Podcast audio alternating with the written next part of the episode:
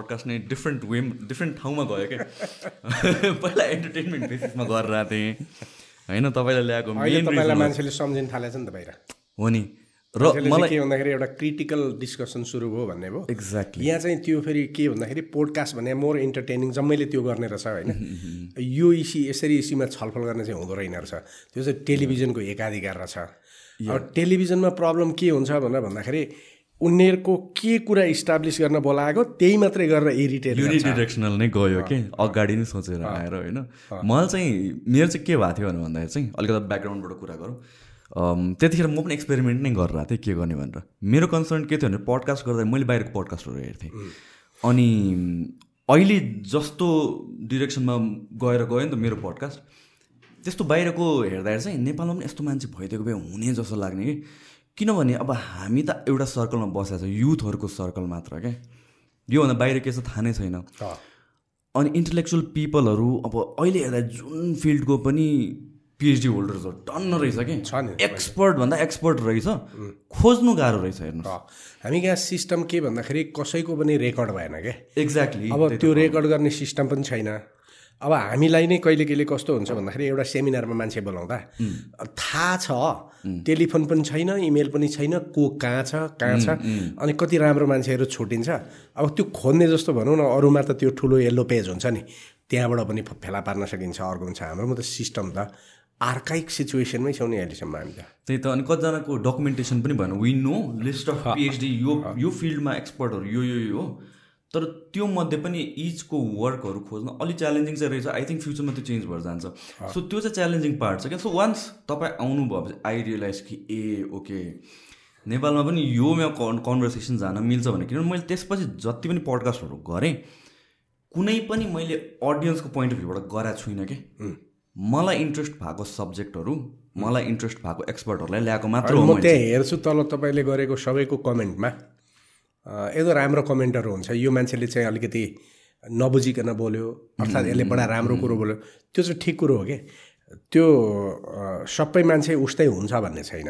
Sure त्यो भ्युवर्सहरूले चाहिँ त्यसलाई कमेन्ट गर्यो भने त्यो कमेन्टबाट कमेन्टमा उनीहरूको एकले अर्कालाई गरे हुन्छ त्यसले चाहिँ विचार निर्माण गर्ने हो क्या त्यसैले अ, अहिले पछिल्लो समय मैले एकदम जोरदारबाट एउटा कुरा के भनिरहेको छु भने यो टोटल समस्याको जड भने कहाँ छ भन्दाखेरि हाम्रो पोलिटिक्सले नेपालको स्कलरसिपलाई कन्ट्रोल गर्यो क्या पोलिटिक्सले विज्ञतालाई कन्ट्रोल गर्यो भने यस्तै हुन्छ। सिम्पल चेन्ज भनेको के हो त पोलिटिक्समा भनेर भन्दाखेरि हामीसँग इकोनोमी पनि छ डेमोक्रेसी पनि छ हाम्रो सिस्टम छ रुल अफ ल छ जुडिसियर सबै थोक छ। तर त्यो ठिक ठाउँमा स्कलरसिपले पोलिटिक्सलाई कन्ट्रोल गरिदिने हो भने नेताहरू इन्टलेक्चुअलबाट एउटा एक्सपर्ट्सहरूबाट गाइडेड भएको भए यो स्थिति आउने थिएन नि त। सबै एक्सपर्ट जति बाहिर छ उनीहरूको केही त्यो पोलिटिकल पार्टीभित्र लागेर माफिया तन्त्रमा लागेको मान्छेहरू उनीहरूको एक्सपर्ट हो। बायस्ड भयो। अनि त्यसपछि स्टेटमा शासन गर्ने मान्छे को छ? सबै इन्टलेक्चुअल बाहिर छ। उनीहरू आफ्नो आफ्नो ठाउँमा बसेर काम गरेका छ। अब पोलिटिक्समा उनीहरूको इन्ट्रेस्ट कम भयो। त्यसले गर्दाखेरि नेसनले पढेर आएको जुन क्षमता हो नि त्यो क्षमता प्रयोगै गर्न पाएन नि। अब त्यस कारण हाम्रो पोलिटिक्स चाहिँ रचनात्मक भएन। हाम्रो यो अब्स्ट्रक्टिभ भयो क्या त्यसले देशमा आएको इन्टलेक्चुअलिटीलाई स्टेटभित्र जान दिएन। हामीले ब्रेक गर्ने कुरो त्यही हो। त्यसैले धेरै साथीहरूसँग त्यो टेलिभिजन त्यो उसमा लेख्छ नि फेसमा। तपाईँहरू जस्तो मान्छे बाहिर ए बाबा टुँडी खेलमा मान्छे भेला पारेर राज्य चल्ने हो र आइडियोलोजी क्रिएट गर्ने हो हामीले। हामीले भाषण गरेर चाहिँ सभासद भएर हुने होइन। हामीले आइडियोलोजी दिने हामीले चाहिँ के खोल्ने भने पर्खाल भत्काइदिने हो कि हजारौँ इन्टलेक्चुअलहरू स्टेटको सर्भिसमा जान पाओस्। आफै देश भन्छ चिनियाहरूले गरे जम्मा यति नै हो। भलै उनीहरूलाई कम्युनिस्ट भनेर गाली गरे पनि चिनमा त नेताहरूले त एक्सपर्टाइजको त भयङ्कर एक्सप्लोइट गरेका छ नि त उनीहरूले त सबै ठाउँमा आफ्नो एक्सपर्टाइज डेभलप गरे हुनाले अब यति छोटो समयमा उनीहरूले यत्रो साइन्सको डेभलप गर्यो। त्यो त पोलिटिसियनले त गर्न सक्दैन नि त्यो। So let the intellectual give the country कुरो त्यही हो। यहाँ एउटा महावीर चाहिँ उसले एउटा बिचराले एउटा डिस्कभरी केन्द्र खोल्या छ त्यो सरकारका लागि गाँडो छ। त्यसै यो यो- यस्ता कुरा यस्ता बसहरूले खोल्छ क्या यो बाहिरपट्टि। या तपाईँले फर्स्ट हाम्रो अस्तिको पडकास्टमा भन्नुभएको एउटा कुरा इट स्ट्रक विथ मी र त्यो प्याटर्न रिपिट भयो with all the intellectual people that I brought here कि एक्सपर्टहरूसँग कि नेपालको कानुन बनाउँदाखेरि म जस्तो एक्सपर्टलाई सोधेन या मलाई म जस्तो एक्सपर्टको ओपिनियन लिएन होइन? मेरै फिल्डको एक्सपर्टिज भएको मान्छेहरूको लिएन आफै आफैमा गरेँ र यो जुन पनि फिल्डको एक्सपर्ट ल्याउँदा त्यस्तै हुने रहेछ पोलिसी लेभलको डेभलपमेन्टहरू भनौँ न अहिलेसम्म अहिलेसम्म म यत्रो चाहिँ मतलब भनौँ न सिनियर टिचर हुँ लको मैले ल्याएको लिगल प्रोग्राम चाहिँ आज देशभरि छ। पाँच वर्षको लिगल एजुकेसन त मैले ल्याएको हो नेपालमा। कुनै ल बनाउँदा मलाई बोलाएको छैन अहिलेसम्म। बोलाउँदैन। किनभने हामीलाई बोलायो भने त त्यो ठिक ठाउँमा जान्छ नि त। उनीहरूले चाहेकै के हो भने इन्टलेक्चुअलहरूलाई पछाडि राखेर आफूले चलाउन खोजे हो क्या त्यसकारण देशको प्रब्लम हो। हामीले ब्रेक गर्ने ठाउँ यही हो। त्यसैले मलाई के लाग्छ भने म राइट डिरेक्सनमा गइरहेको छु। अब अहिले थोरै होला हामीलाई सपोर्ट गर्ने यो कुरो। मानिसलाई के लाग्छ भने डङ्का डङ्क चुनावमा गएर काठमाडौँ जितेर पाटन जितेर सांसद जितेर देश बनाउन सकिन्छ। एकपल्ट जितिन्छ तर जितेर जाने मान्छेले चाहिँ देश बनाउने आइडियोलोजी चाहिँ के त उसको? त्यो आइडियोलोजी नभएपछि त ऊ पनि फेल हुन्छ नि त। अहिले जस्तो बालेन गइरहेछ। अब उसलाई जिताए मान्छेले के भने परिवर्तनको लागि जिताए। तर उसले चाहिँ डेलिभर गर्ने उसको आइडियोलोजी चाहिँ के त? उसँग पनि त इन्टेलेक्चुअल छैन नि त। उसले इन्टेलेक्चुअललाई एट्र्याक्ट गर्न सकेन। परिणाम के हुन्छ? अब ऊ असफल भएर आयो भने त ऊ असफल ऊ असफल भइसकेपछि त भोलि हुन्छ। त्यसले के भन्दाखेरि ए यो स्वतन्त्रले पनि केही नहुने रहेछ। यसले परिणाम के गर्छ भने देशको अहिलेको पोलिटिकल पार्टीहरूको भ्रष्ट मान्छेहरू भ्रष्ट मान्छेहरूलाई केही गर्न नसकिने रहेछ भन्ने एउटा खालको कुरो ल्याउन सक्छ। त्यसकारण अहिलेको देशभरिको डिबेट भने आइडियोलोजिकल डिबेट हो। नेपाल कसरी बन्न सक्छ भन्ने डिबेट सुरु हुनुपर्छ भन्ने कुरा चाहिँ अब हामीले भर्खर सुरु गरेका छ। जहाँ गए पनि मान्छे चाहिँ एकदम इन्ट्रेस्टेड हुन्छन्। तर हामीले पनि त्यसलाई सिस्टमेटिक तरिकाले राख्न सकेका छैन तर अब गर्नुपर्छ भन्ने मान्यता छ it's it's a long process भनौँ न। इनिसियली भर्खरै इनिसिएट भएको कुरा एकैचोटि स्ट्रक्चर त हुँदैन होइन? प्लस जसले पनि भन्ने एउटा कुरा इज लाइक हामीसँग थिङ्क ट्याङ्क छैन कि हामीहरू रिसर्चमा as a country as a government हामीले रिसर्चमा इन्भेस्ट गरेका छैनौँ। हामीसँग एक्सपर्ट्सहरूको थिङ्क ट्याङ्क छैन एउटा ग्रुप छैन। जे पनि इन्डिपेन्डेन्ट लेभलबाट खुसखुस खुसखुस गरेर भित्रभित्र नै सबै कुराहरू मिलाइन्छ। एन्ड त्यसले गरेर चाहिँ अगेन तपाईँले अघि यो मेन स्ट्रिम टिभी भने जस्तो भयो कि एउटा already narrative set of set भएको हुन्छ त्यसलाई भ्यालिडेट गर्ने मान्छे मात्र खोज्या हो। होइन? सो सिमिलरली पोलिसीमा पनि यस्तो पोलिसी बनाउने भनेर अलरेडी फिक्स भइसकेको हुन्छ। त्यसलाई भ्यालिडेट गर्ने एक्सपर्टहरूलाई भित्र तानियो जो त्यो आइडियोलोजीसँग मानेन उनीहरूलाई चाहिँ भित्र छिर्नै दिएन र जबसम्म दुईवटा कन्फ्लिक्टिङ आइडियाजहरूको डिबेट हुँदैन तबसम्म बेस्ट आइडियाज त हुँदैन। जहिले पनि म लेफ्ट साइड मात्रै हेरेर राख्छु भनेर भनेपछि त राइट साइडको त होल पर्सेप्सन नै मेरो मिस भयो। नि त I think that is the biggest flaw हाम्रो सिस्टममा हेर्दाखेरि हाम्रो गभर्मेन्टमा हेर्दाखेरि। वान अफ द इन्ट्रेस्टिङ कुरा लास्ट टाइम तपाईँको म अफिसमा आउँदाखेरि कुरा भएको थियो हामीहरूको। दिस थिङ अबाउट र मलाई इन्ट्रेस्टिङ लाग्यो। दिस थिङ अबाउट हामी डेभलपमेन्टको कुराहरू गर्छौँ। कन्ट्री डेभलप गर्नुपर्छ सिस्टम डेभलप गर्नुपर्छ दिस एन्ड द्याट तर डेभलपमेन्टको प्लान के त? किनभने त घर बनाउँदाखेरि त हामी एउटा प्लान बनाउँछौँ भनेर भनेपछि देश बनाउँदाखेरि डेभलपमेन्ट त गर्ने तर चारैतिर एकैचोटि त गर्न सकिँदैन। त्यसको त प्लान हुनु पऱ्यो डिसेन्ट्रलाइजेसन गर्ने भनेर भन्छौँ। त्यसको त प्लान हुनु पऱ्यो र मलाई त्यो चाहिँ इन्ट्रेस्टिङ लाग्छ। I think we we can talk about that as well okay fine so so how do you think like एकैचोटि सबै त गर्न सकिँदैन होइन? कतिवटा कुराहरू यो डेभलपमेन्ट भन्ने चिजहरू अलिक रियलिस्टिक नै भएर गर्नुपर्छ टाइम लाइन यो फोर इयर्समा हुने कुरा होइन? मेबी ट्वेन्टी इयर्समा हुने कुरा हो। तर इनिसियली प्रायोरिटीमा के आउनु पऱ्यो त? एकदम यो चाहिँ मैले निकै गहिरिएर हेरेँ क्या यो डेभलपमेन्टको मोडल चाहिँ कुन समाज कसरी डेभलप हुन्छ भन्ने कुरा चाहिँ मैले हेर्दाखेरि मैले बाह्र तेह्र वर्षदेखि नै यसमा स्टडी गरिराखेको हो। मैले के भने भन्दाखेरि हाम्रो जस्तो डेभलपिङ कन्ट्रीको इकोनोमिक्स भने चाहिँ क्यालकुलस म्याजिक हुँदो रहेछ क्या क्यालकुलस म्याजिक भने के भनेर भन्दाखेरि सबै मान्छे गरिब छ। सबै कामदार हो। तपाईँ हामी सबै कामदार हो नि त। हामी एउटा मन्थली एउटा सर्टेन अमाउन्ट अफ स्यालेरी वा एउटा इन्कम कमाउँछौँ। खान्छौँ काम गर्छौँ खान्छौँ तर हामीसँग सेभिङ त छैन। अनि मलाई मैले कमाएको पैसाले दुई महिना तिन महिना पुग्ला। तर एक वर्ष मैले काम नगरी बसेँ भने मसँग मलाई बाँच्ने आधार हुँदैन क्या मेरो इकोनोमी कोल्याप्स गर्छ। अब यो क्यालकुलस म्याजिकको थ्योरी चाहिँ मैले डिजाइन गरेँ। अनि मेरो यो राइट टु हेभ राइट्स भन्ने एउटा किताब पहिला राइट्स हुनको लागि राइट हुनु पऱ्यो हो। राइट्स पाउनै राइट चाहिने रहेछ क्या त्यो कुरो हेर्दाखेरि मैले चाहिँ श्रीलङ्काको एकदम भित्रैसम्म पुगेर मैले अध्ययन गरे हो। म धेरै बसेर त्यहाँको गाउँ गाउँ पनि गएर हेरेँ बङ्गलादेश हेरेँ अनि चिनको सिचुवान युनान र कोइचाउ भन्ने जस्तो ठाउँहरूमा पनि गएर हेरेँ साउथ कोरियाको हेरेँ। डेभलपमेन्ट के हो भन्ने कन्सेप्ट चाहिँ अनि यहाँको एनालिसिस गर्दाखेरि के भन्दाखेरि दुई हजार बत्तिस सालमा अडचालिस प्रतिशत मान्छे गरिब थियो भन्ने आङ्कडा छ। घट्दै घट्दै घट्दै आउँदा अहिले चाहिँ आउँदाखेरि हाम्रो गरिबी सोह्र प्रतिशत छ भन्छ। जम्मा सोह्र प्रतिशत मान्छे मात्रै गरिब छ। तर फ्याक्चुअली तपाईँ हामीले सहरभित्र हेऱ्यौँ तपाईँ हामीले आफैलाई हेऱ्यौँ कामदारलाई हेऱ्यौँ गाउँलाई हेऱ्यौँ भने त गरिबी त जत्राको तत्रै छ। भनेपछि घट्यो चाहिँ के त? भनेर भन्दाखेरि नेपालका थोरै इन्डस्ट्रियलिस्टहरूले थुप्रो कमाए। नेपालमा थोरै ब्याङ्कहरूले थुप्रो आम्दानी गरे। हामीसँग एक वर्षलाई पुग्ने राष्ट्र ब्याङ्कमा फरेन करेन्सी रेमिटेन्सबाट आएको छ।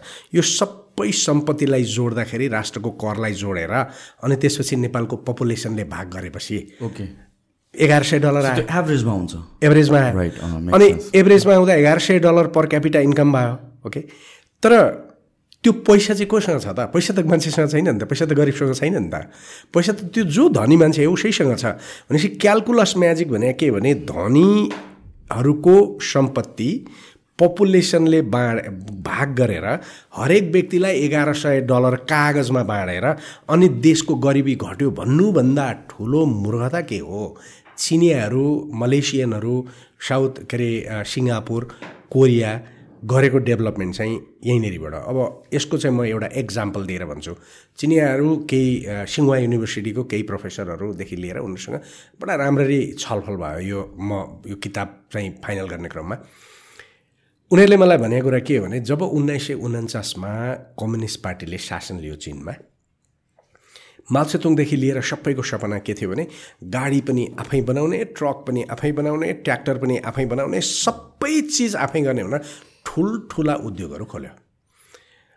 भयङ्कर देशभरिको सबै कोदालादेखि लिएर पुरानो फलामका डन्डीसम्म भ्या खोजेर ल्याएर ठुल्ठुलो उद्योगमा हाल्यो। ग्रेट लिप फरवार्ड भन्ने उनीहरूको थ्योरी आयो।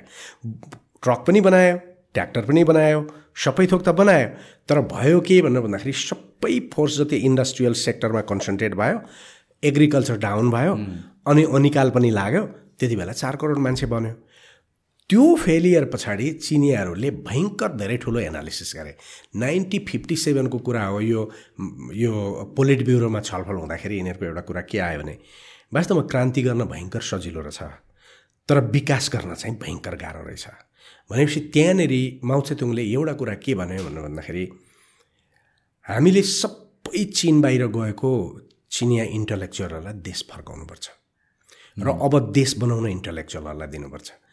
र उनीहरूले चाहिँ के भन्दाखेरि एकदमै जेनरसली एकदमै इन्डिभिजुअल सम्पर्क गरेर बोलाए।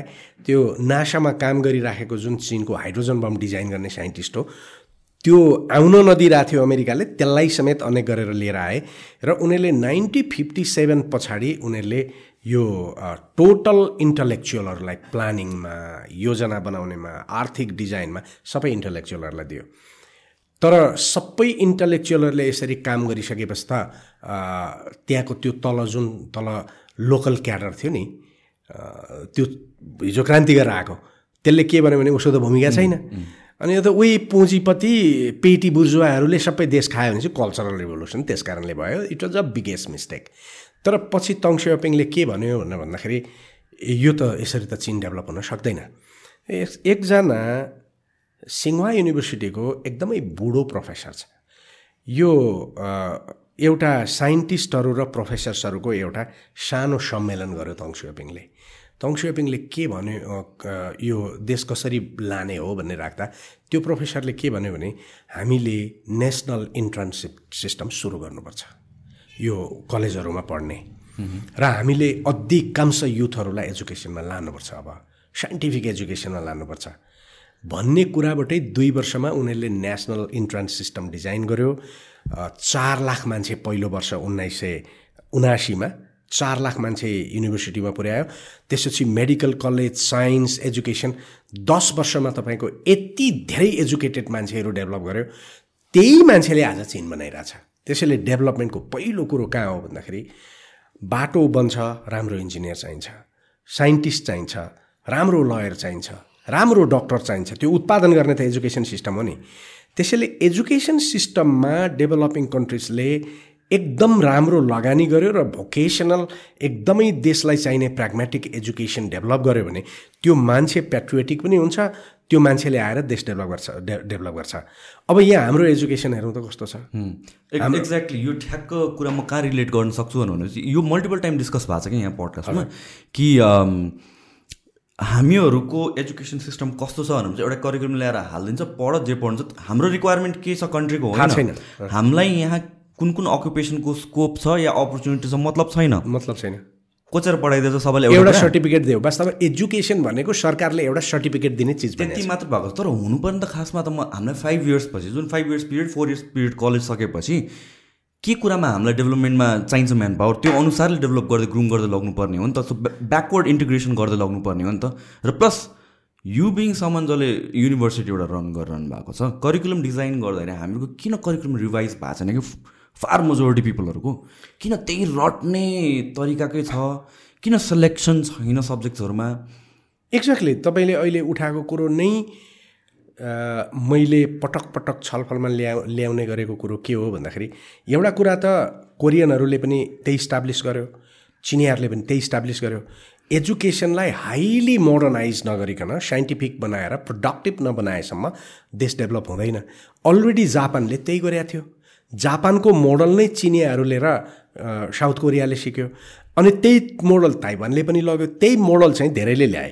तर समस्या कहाँनिर भयो भनेर भन्दाखेरि उनीहरू नेसनलिस्ट थिए उनीहरू पेट्रियोटिक थिए र उनीहरूलाई देश बनाउनु पर्ने भएको हुनाले उनीहरूले युनिभर्सिटीहरू डेभलप गरे। युनिभर्सिटीको कोर्सलाई चाहिँ चिनलाई कोरियालाई चाहिएको जस्तो एजुकेसन सिस्टम के हो भने उनीहरूले ल्याए बनाए उनीहरूलाई लगाए उनीहरूले डेभलप गरे। हाम्रोमा समस्या के भयो भनेर भन्दाखेरि नेपालको टोटल पोलिटिक्सले नेपालको एभ्रिथिङलाई कन्ट्रोल गर्यो। म त के भन्छु भन्दाखेरि वास्तवमा भन्ने हो भने तपाईँ हामी कहिले कहिले देख्छौँ नि इभन नेपालको फ्यामिली लाइफ र म्यारेजलाई समेत पोलिटिक्सले कन्ट्रोल गरिरहेछ क्या।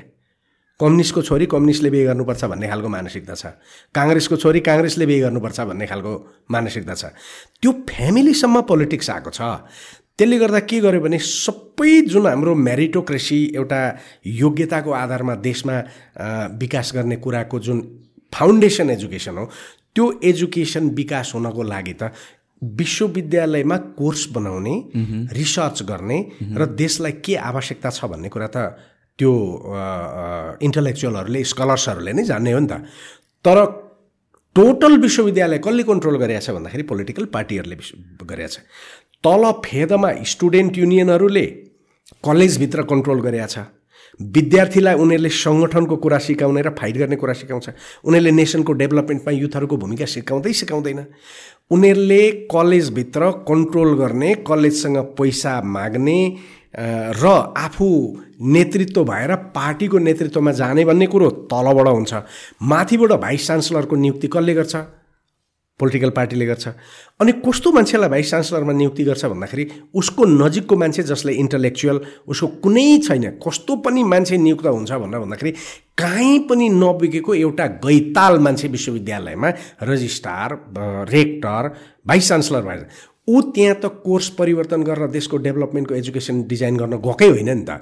ऊ त जागिर खान गएको। ऊ किन गएको भने एउटा गाडी एउटा के भन्दाखेरि क्वार्टर अनि त्यसपछि विभिन्न विदेशमा चाहिँ भिसीलाई आउने निम्तामा विदेश डुल्ने बाहिर डुल्ने यसैलाई गएको उसको कन्सनै होइन एजुकेसन अनि उसको कन्सनै एजुकेसन होइन तल स्टुडेन्टले कलेजमा चाहिँ पोलिटिक्स ल्याइरहेछ तल पनि भुवाङ परेको छ माथि पनि भुवाङ परेको छ भनेपछि एजुकेसन भने त के हो। भन्दाखेरि कलेज खोला मास्टर आऊ पढाऊ उसलाई तोकेको एउटा पाठ्यक्रम पढाऊ उसलाई डिग्री देऊ। जब त्यो मान्छे निक्लिन्छ कोर्स सिद्ध्याएर त्यसपछि ऊ एउटा अँध्यारोमा छिर्या जस्तो हुन्छ। अनि सिम्पल कुरा भनौँ न भोकेसनल एजुकेसन बनाएर त्यो विद्यार्थी ग्रेजुएट हुने बित्तिकै उसलाई गर्न इन्टरप्राइजेसमा छिर्नको लागि सरकारले दिने जुन सब्सिडी सहयोग आर्थिक सहयोगको कुरोहरू छ त्यो त दिँदैन।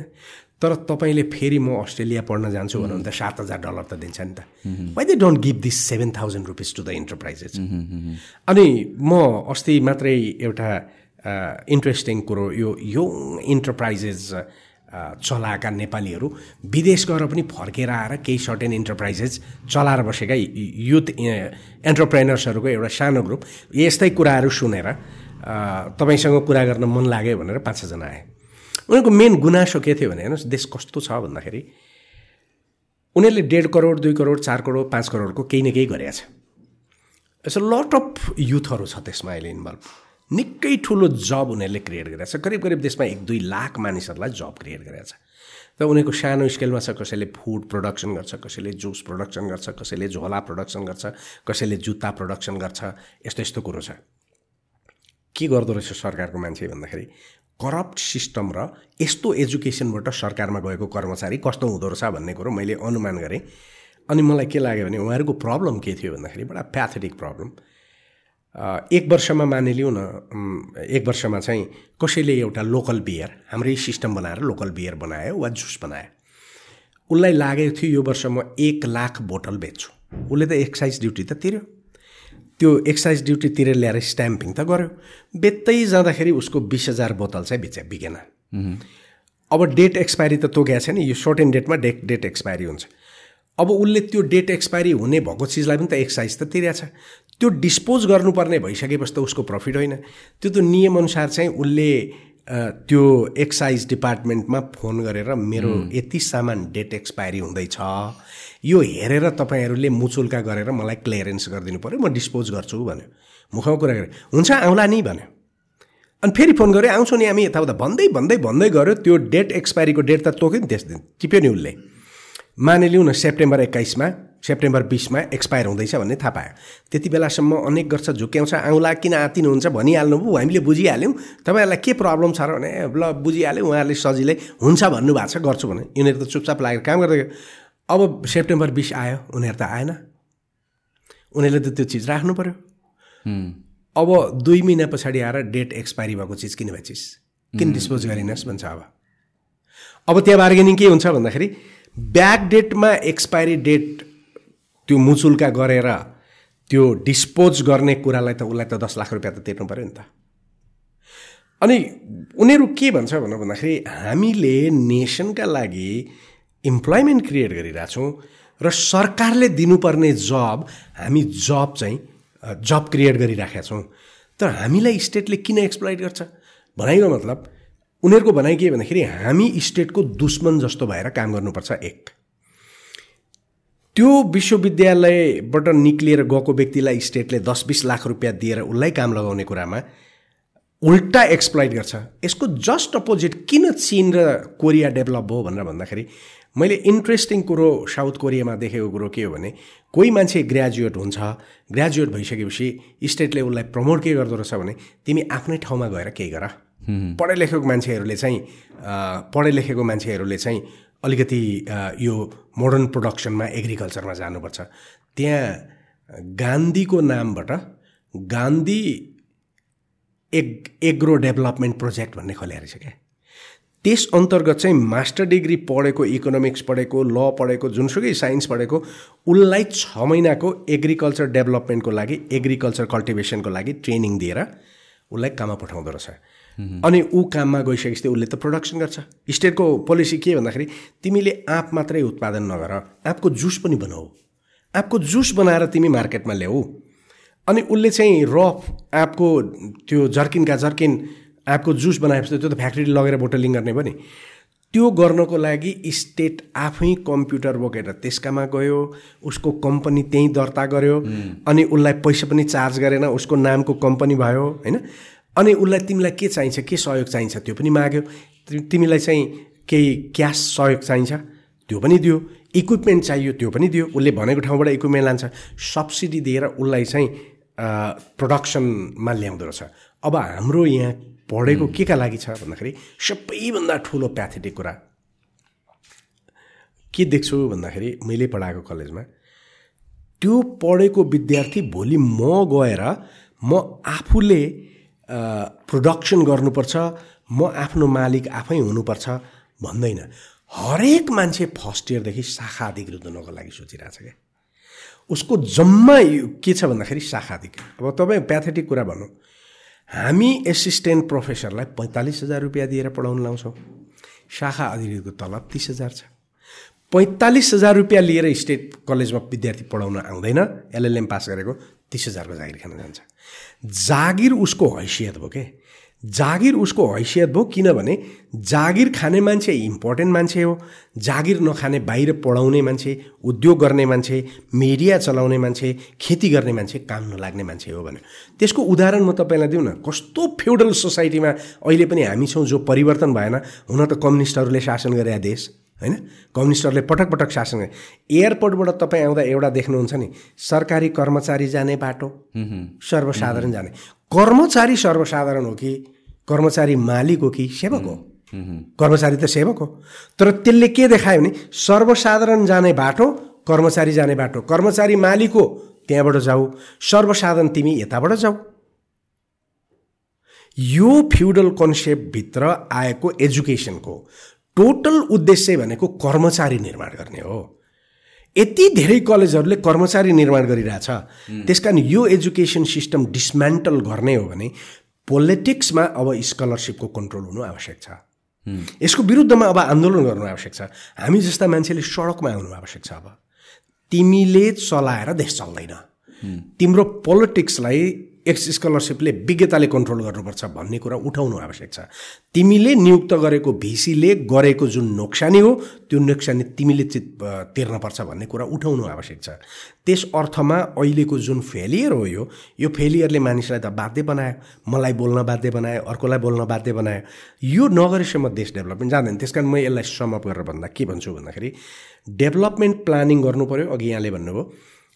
हामीले तिस वर्षमा नेपाल कस्तो बनाउने? जस्तो कोरियनहरूले चिनियाहरूले जापानिजहरूले घोषणा गर्यो। अहिलेको चिनियाहरूकै इक्जाम्पल दिने भने दुई हजार पैँतिसमा चिन मोडरेटली प्रस्परस सोसाइटीमा ट्रान्सफर हुने भन्यो। अनि नेपाल चाहिँ दुई हजार पैँतिसमा के हुने त? पहिला त त्यो भिजन हुनु पऱ्यो नि। त्यसभित्र हाम्रो इन्फ्रास्ट्रक्चर कस्तो हुनुपर्ने हो? हामीले प्रोडक्सनमा कहाँ जानुपर्ने हो? हामीले त्यो प्रोडक्सनलाई कहाँ मार्केट डेभलप गर्ने हो? हाम्रो इन्डस्ट्री कस्तो हुनुपर्ने हो भन्नेको मूल रूपमा बन्ने एउटा गुरु योजना एउटा मास्टर पिस एउटा ब्लु प्रिन्ट भन्छ नि डेभलपमेन्टको। त्यो ब्लु प्रिन्ट बनाएर त्यो ब्लु प्रिन्टलाई चाहिने एजुकेसन पो हामीले ल्याउने त। त्यसलाई कति इन्जिनियर चाहिने हो? त्यसलाई कति लयर चाहिने हो? त्यसलाई कस्तो खालको ह्युमन रिसोर्स चाहिने हो भनेर गर्नुपर्नेमा। न ब्लु प्रिन्ट छ न योजना छ न इकोनोमिक खाका छ न त पन्ध्र वर्ष पछाडि वा बिस वर्ष पछाडि नेपाल कस्तो भन्ने भन्ने योजना नै छ। न सपना छ न योजना छ। त्यसकारण हामीले डेभलपमेन्ट गर्ने हो भने डेभलपमेन्ट गर्नका लागि चाहिने ह्युमन रिसोर्स प्रोडक्सन सँगसँगै गर्नका लागि त पहिला त एजुकेसनमा चेन्ज हुनु पऱ्यो यदि यही एजुकेसन सिस्टम नेपालमा रहने हो भने Nepal will be collapse in fifteen years this is totally unproductive archaic education system एकदमै यो यो चे यो यो च्यालेन्जलाई फेस गर्न गाह्रो छ। तपाईँको टोटल एजुकेसन सिस्टमभित्र माफियाहरूको कन्ट्रोल भइसकेको स्थिति छ। हामी जस्तो मान्छेहरूको काम त लड्ने बाहेक केही पनि छैन। एन्ड एजुकेसन कुन पाराले एक्सपेन्सिभ भएको छ कि? प्राइमरी एजुकेसनदेखि लिएर एभ्रिथिङ हेर्दाखेरि म त छक्क पर्छु अहिले स्कुलहरूको बच्चाहरूको फिजहरू हेरेर। जुन हिसाबले एभ्रिथिङ छ। हाम्रो बेलामा त आई रिमेम्बर अब अफकोर्स कम्पेयर गर्न मिल्दैन बट स्टिल त्यो एक्सपोनेन्सियल लेभलले त नबढ्नु पर्ने हो जस्तो लाग्छ कि मलाई। होइन जस्तो अहिले तपाईँको र मेरो एउटा राम्रो छलफल के भइरहेछ यसमा भन्दाखेरि एजुकेसनको तात्पर्य त मानिसको सोच्ने पद्धतिलाई मानिसको लजिकल एउटा एनालिसिसको पावरलाई र उसको प्रोडक्टिभ इनोभेटिभ कुरालाई बढाउने हो नि त। तर एजुकेसन कसरी गइरहेछ भनेर भन्दाखेरि स्कुल राम्रो हुनुपर्छ करिकुलम जेसुकै होस् मतलब छैन। स्कुल राम्रो हुनुपर्छ भन्दाखेरि स्विमिङ पुल चाहिन्छ। इन्फ्रास्ट्रक्चरको कुरा मात्र मात्रै। स्विमिङ पुल चाहियो जिम चाहियो फरक कफी रुम चाहियो फरक के अरे क्याफेटेरिया चाहियो अझ के भन्दाखेरि ड्रिङ्क्स गर्ने ठाउँसम्म चाहियो भनेपछि त्यो फेसिलिटीले के गर्यो भनेर भन्दाखेरि इन्फ्रास्ट्रक्चर कस्टली भएपछि फिस बढी भयो। हुनुपर्ने कुरो के थियो भने रिसर्चमा विद्यार्थीलाई इन्भल्भ गर्नु पर्थ्यो पाँच वर्ष पाँच क्लासदेखि रिसर्चमा विद्यार्थीलाई इन्भल्भ गर्नुपर्थ्यो। म्याथमेटिक्स टोटल्ली डिस्ट्रोय गरिसक्यो। साइन्स डिस्ट्रोय गरिसक्यो। कल्चरको के पनि कुरो छैन। हिस्ट्री त सकिसक्यो। हिस्ट्री सिद्धिसक्यो। अनि मैले हिजो मात्रै एउटा त्यो किताब पढेको थिएँ यो कन्फ्युसियसको कन्फ्युसियसको त्यो किताबमा एनालिसिस गरेर एउटा प्रोफेसरले बडा राम्रो आर्टिकल लेखेर उसले के भन्छ भन्दाखेरि पेट्रियोटिजम र नेसनलिजम भन्ने कुरै हुँदैन। हुन्छ के भन्दाखेरि कल्चरमा मान्छेको कन्फिडेन्स हुन्छ। त्यो कल्चरमा जति कन्फिडेन्स भयो मान्छे नेसनलाई माया गर्छ। अनि त्यो उसले चाहिँ एक दुईवटा एक्जाम्पल दियो। किन चाइनिजहरू यति धेरै कन्फिडेन्स छ भन्दाखेरि दुई हजार वर्ष पुरानो ल्याङ्ग्वेज पनि छ दुई हजार वर्ष पुरानो उनीहरूको क्लासिकल स्क्रिप्चर्सहरू पनि छ उनीहरूको सबै विद्वानहरूले भनेको कुरो पनि छ इतिहास छ कल्चर छ पिपुल कन्फिडेन्स छ त्यस कारण उनीहरू डराउँदैन। अनि एउटा इतिहासको कुरो गर्दाखेरि कस्तो इन्ट्रेस्टिङ कुरो अहिले लेटेस्ट मैले एउटा फेल थाहा पाएर अनि एनालिसिस गरेको कुरो। नारद स्मृति भन्ने एउटा किताब छ हाम्रोमा। त्यो नारद स्मृति भनेको चाहिँ हाम्रो सबैभन्दा पुरानो कानुनको यो मुलुकी ऐन भने जस्तो हो क्या त्यो लेखिएछ चौबिस सय वर्ष अगाडि। केशर मलको लाइब्रेरीमा यो भैँचालो भन्दा पछाडि चाहिँ त्यो किताब फेला पर्यो। त्यो चाहिँ नारद मनु स्मृति भनेर लेखिएको रहेछ। त्यो लेखिएको रहेछ नेवारी भाषामा। भनेको मतलब चौबिस सय वर्ष अगाडि नारद स्मृति लेख्ने मान्छे त नेपाली रहेछ नि त। त्योभन्दा त्यति बेला लेखिएको भाषा त नेवारी भाषा रहेछ नि त। अब हामीलाई के पढाएको कोइरेहरूले र हामीले के पढाइरहेछौँ? नेवारी भाषा भनेको टिबेटो बर्मिच तिब्बती र बर्मिच ग्रामरबाट आएको भने। जसको स्मृति चौबिस सय वर्ष अगाडि लेखिएको छ टिबेट छैटौँ शताब्दीबाट स्रोङचोङ गम्पो पछाडि राज्य बन्यो। अनि नेपालमा आएर उसले लिपि लेखेर उसको लिपि बनाएको छ अनि कसरी नेवारी भाषा चाहिँ तपाईँको टिबेटो बर्मेज ग्रामरबाट आउँछ? कसले सिधाइदियो यदि हामीले सिकाएको थियो नारद स्मृति नेवारी भाषामा लेखिएको छ। नेवारी भाषा हाम्रो क्लासिकल भाषा हो। र यो भाषामा चाहिँ हामीले लेखिएका लिट्रेचरहरू नेसनका एसेट्स हुन् र हामीले स्कुलमा पढाउनुपर्छ र त्यो हरेकले पढ्नुपर्छ भन्यो भने जस्तो उदाहरणको लागि नेवारीमा लेखे पनि त मलाई गौरव त के भयो भन्दाखेरि मेरो देशको मान्छेले लेखाएर छ नि त त्यो त। अहिलेसम्म त हामी इन्डियनले लेख्या भनेर भनिरहेको थियौँ। स्वयं इन्डियनले नेपालीले लेख्या भनेर पनि किताब लेख्यो अहिले वर्ष। भन्दाखेरि मलाई त्यो स्मृतिप्रति गौरव भयो नि भाषा केमा लेखिया छ भन्ने कुरा त हुनु अब आएन नि त। बाहुन नेवार भन्ने कुरो त आएन नि त्यहाँ त। नारद स्मृति कमन भयो। त्यो स्मृतिले सबैलाई जोड्ने रहेछ नि त। बाहुनलाई पनि जोड्ने रहेछ छेत्रीलाई पनि जोड्ने रहेछ नेवारलाई पनि जोड्ने रहेछ बुद्धिस्टलाई पनि जोड्ने रहेछ साकेलाई पनि जोड्ने रहेछ प्रधानलाई पनि जोड्ने रहेछ नि त। So if we create that kind of history nation त्यहाँ पनि बन्ने रहेछ। यो त डिस्ट्रोय गर्यो यो किन डिस्ट्रोय गरियो? किन गभर्मेन्टले यो गर्दैन? भन्दाखेरि यदि तपाईँ हामीले हेऱ्यौँ भने दुई सय पचास करिब वर्ष अगाडिबाट नेपालका सर्टेन शासक मान्छेहरू जुनसुकै जातिको होस् उसले डिभाइड गरेर मात्रै शासन गर्न सिक्यो क्या। हिजो काठमाडौँ भक्तपुर र ललितपुर राज्य हुँदाखेरि डिभाइड गरेर सिक्यो। काठमाडौँमा अपराध गर्ने मान्छे पाटन छिर्यो भने ठुलो हुन्थ्यो क्या। यताको राजाले उसलाई संरक्षण गरेर ऊ यताको प्रधानमन्त्री हुन्थ्यो। सो जहिले पनि डिभिजनको कुरामा गइसकेपछि इतिहास पनि सिद्धियो कल्चर पनि सिद्धियो हाम्रो म्याथमेटिक्स सिद्धियो। सबैभन्दा ठुलो कुरो। तपाईँ हाम्रो म्याथमेटिक्सको कुरो चिनियाहरूको अबाकस अहिले पनि प्रयोग गर्छन् त्यो खतरा खतरा तपाईँहरूलाई थाहा छ कि छैन? हाम्रो अलिकति बुढापाकाहरूलाई मलाई थाहा छ। पहिला पहिला हाम्रो व्यापार गर्ने चिज के हो भने त्यो लालगेडी भन्थ्यो क्या सुन जोख्न एकापट्टि एउटा रातो दाना हालिन्थ्यो अर्कोपट्टि सुन्नुहुन्थ्यो क्या इट्स सो एकुरेट एक्युरेट एकदमै। त्यो लाल गेडी चाहिँ गन्ने हो क्या जस्तो पैसा लिन आउँदाखेरि कतिवटा दाना हो जो त्यो हालेर गएपछि त्यो बराबरको पैसा हो। धानमा पनि त्यही हो काठमाडौँमा व्यापारमा पनि त्यही हो सुन व्यापारमा पनि त्यही हो। वेयर इज द्याट टुडे त्यो लस्ट भयो। कुनै पनि चिज छैन आज। हाम्रो बच्चा बच्चीसँग कुनै पनि चिज छैन। हिसाब पनि छैन हाम्रो हिसाब पनि सिद्धियो जस्तो उदाहरणको लागि। हिजो हामीले भन्ने गरे कति हो भन्दाखेरि कति पैसा लोन लिन पर्ने छ तिम्रो भन्दा? पाँच बिस भन्थ्यो नि हामी। पाँच बिस भने बिसवटा पाँच। सय भन्थ्यो। हामी त सय रुपियाँ त कहिले पनि भनेनौँ नि। पाँच बिस। सय बिस। हाम्रो त यो थियो। वेयर आर दे त्यस कारण यो सिस्टम चाहिँ के भने मानिसहरूलाई कल्चरल्ली हिस् हिस्टोरिकल्ली तपाईँको म्याथमेटिकल्ली साइन्टिफिकल्ली लुनाटिक बनाएपछि शासकहरूलाई शासन गर्न। राणाहरूले त्यही गर्यो। त्यहाँभन्दा अगाडि शाहहरूले पनि त्यही गर्यो। टु सम एक्सटेन्ट त्योभन्दा पछाडि पोलिटिकल पार्टीहरूले पनि यही गर्यो। अनि हाम्रो डेभलपमेन्टको प्लान किन बनेन? एजुकेसन छैन। एजुकेसनमा रिफर्म नै हुन दिँदैन। भन्दाखेरि यो जुन एउटा सर्कल छ नि एउटा भिसिएस सर्कल यो भिसिएस सर्कलको एनालिसिस भएन। यो एनालिसिस गर्ने कुरामा इन्टलेक्चुअलहरूको फेलियर भयो। सायद म जस्ता इन्टलेक्चुअलहरू पनि स्टेटकै आश गरेर बसेँ। मैले बोलेँ भने दिँदैन कि? भनेर भने मलाई चाहिएको छैन मैले जे कमाएको छु मेरो लागि त्यो ठुलो कुरो छ भनेर हजारौँ इन्टलेक्चुअलहरू बोलिदिने भए त पोलिटिक्स पोलिटिसियनहरूलाई च्यालेन्ज हुन्थ्यो होला नि। जसरी कल्चरल रिभोल्युसनमा हजारौँ मान्छेले इभन कम्युनिस्ट पार्टीलाई च्यालेन्ज गरे नि त त्यति बेला। कोरियाको चुन्दु वानदेखि लिएर त्यो खालको डिक्टेटर्सहरूलाई च्यालेन्ज गरे नि त। तर हाम्रोमा किन भएन? भन्दाखेरि एजुकेसन स्किल्ड र most important history skilled history skilled हो। अब कस्तो विरक्त लाग्दो स्थिति छ भन्दाखेरि हामीले एउटा कुरा हेरौँ न दुई हजार वर्ष पुरानो इतिहास छ। राजा अशोक आएको सम्मको इतिहासहरू छ। त्यो सबै राजाहरूको नाम छ। यो राजाहरूले मात्रै देश चलायो त। कुनै जर्नल थिएन होला कुनै न्यायाधीश थिएन होला कुनै इन्टलेक्ट त्यो बुद्धिजीवी कोही थिएन होला कसैको इतिहास लेखिएन। उति बेलादेखि अहिले त इन्टेन्सनल्ली सिद्धियो इतिहास सिद्धिएपछि त देश देश त रहँदैन no this is something I realize हिस्ट्रीको यहाँ दुई तिनवटा पडकास्ट मैले गरिसकेँ कि? त्योभन्दा अगाडि मलाई पनि जस्ट लाइक मोस्ट अहिलेको जेनेरेसनको पिपल वी केयर अबाउट भनौँ न सोसाइटी भन्दा पनि आफू कसरी बेटर हुने आफू कसरी इम्प्रुभ हुने होइन? देशप्रतिको हामीहरूको त्यो एउटा फिलिङ जुन तपाईँहरूको जेनेरेसनको छ हामीहरूको छैन कि? वी आर मोर डिट्याच किन हामीलाई हिस्ट्री थाहा छैन रहेछ कि?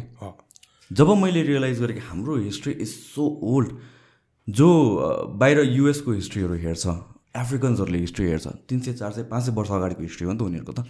हाम्रो दुई हजार वर्ष पच्चिस सय वर्ष अगाडिको हिस्ट्री हामीलाई थाहा छैन हाम्रो देश त्यत्रो पुरानो रहेछ भनेर। हाम्रो कल्चर त्यति पुरानो रहेछ हाम्रो ल्याङ्ग्वेज त्यस्तो सोफिस्टिकेटेड रहेछ त्यो बेलामा। होइन we read about Babylonian civilization we read about Egyptian civilization हाम्रो पनि त खत्रै रहेछ नि त। त्यो रियलाइज भएपछि आफै भित्रबाट आउने रहेछ क्या। मलाई त्यो पडकास्टमा I precisely remember throughout the podcast goosebumps आएको कि किन आई डेन्ट नो हाम्रो हिस्ट्री यस्तो रिच छ भनेर क्या। र यो जतिको मेटिँदै जान्छ आई थिङ्क फ्युचर जेनेरेसनहरू झन् बिगर डिस्कनेक्ट हुँदै जान्छ कि किन there is nothing to feel proud of त्यसपछि त। त्यही मैले भने नि हिस्ट्री र कल्चरमा नागरिकको स्टेटप्रति र समाजप्रतिको कन्फिडेन्ट हुँदो रहेछ। त्यो कन्फिडेन्स नै सिद्धिएको हो अहिले। अनि जस्तो किन हिस्ट्री सो इम्पोर्टेन्ट भन्ने कुरामा थुप्रै जस्तो लियो टोल्स्टयहरूदेखि लिएर धेरैले के भन्छ भन्दाखेरि जसरी हामी पानीमा एउटा स्थिर पानीमा हेऱ्यो भने हाम्रो तस्बिर देख्छौँ त्यो पानीलाई चलाइदियो भने ब्लर हुन्छ अनि हाम्रो अनुहार नाक फरक फरक खालको देखिन्छ। यो हिस्ट्री भनेको चाहिँ त्यस्तै पानी हो शासकले इतिहासमा आफ्नो अनुहार हेऱ्यो भने मकु भन्ने देख्छ। इतिहासले नेसनको परिदृश्य निर्माण गर्छ। अब जब इतिहासै छैन भने उसले कहाँ हेर्ने त? त्यसैले इतिहास सो इम्पोर्टेन्ट अब नेपालको त अर्को पनि के इम्पोर्टेन्ट कुरो छ भन्दाखेरि इतिहास कहाँ जोडिन्छ नेपालको भनेर भन्दाखेरि हामीसँग पाटन काठमाडौँ भक्तपुर पाल्पा पूर्वमा धरान उता पश्चिममा बैतडीदेखि लिएर थुप्रो मन्दिरहरूदेखि लिएर स्वयं कपिल वस्तुदेखि लिएर रामग्रामदेखि लिएर तपाईँको देवघाटदेखि लिएर यति धेरै हिस्टोरिकल प्लेसेसहरू छ नि जो प्रमाणित प्लेसेसहरू हो। यदि हामीले हिस्ट्रीमा साइन्टिफिक तरिकाले हिस्ट्री पढ्ने बुझ्ने र अध्ययन गर्ने सिस्टम डेभलप गरिदिने हो भने त नेपालमा सबैभन्दा बढी विद्यार्थीहरू त हिस्ट्रीको डेभलप गर्न सकिन्थ्यो होला। जस्तो उदाहरणको लागि म पटक पटक भन्ने गर्छु न्याथपोल मन्दिर भक्तपुरको। त्यसको आर्किटेक्चर कसरी बन्यो भन्ने कुरा अहिलेसम्म अध्ययन भएको छैन। त्यो भैँचालाले किन लडाउन सकेन? ओके? यो तपाईँको काष्ठमाण्डव बन्यो नि यस्तै। त्यो काष्ठमाण्डवको आर्किटेक्चर के थियो भन्ने कुरो त्यो बनाउने क्रममा त्यसको डिजाइन गरेर डिजाइन गरेर गरिएन। भनेपछि हामीले त कपिल वस्तुदेखि लिएर काष्ठमण्डपदेखि लिएर न्यातपोलदेखि लिएर कृष्ण मन्दिरदेखि लिएर तपाईँको धरानको बुढो सुब्बादेखि लिएर यो सबै ठाउँको इतिहास जेनरल आर्किटेक्चरदेखि लिएर सबै सामान पढाएर खास खास ठाउँको इतिहासमा स्पेसलाइजेसन गर्ने र उनीहरूले मात्रै त्यो टुरिस्टहरूलाई त्यहाँ लिएर जान पाउने।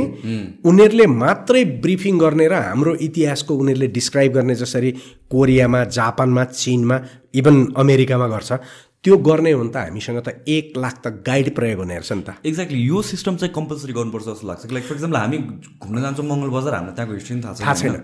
अब अब त्यो जस्तो भनौँ न मङ्गल बजारको कृष्ण मन्दिर जुन तरिकाले भनेको छ संसारमै त्यो खालको आर्किटेक्चर छैन।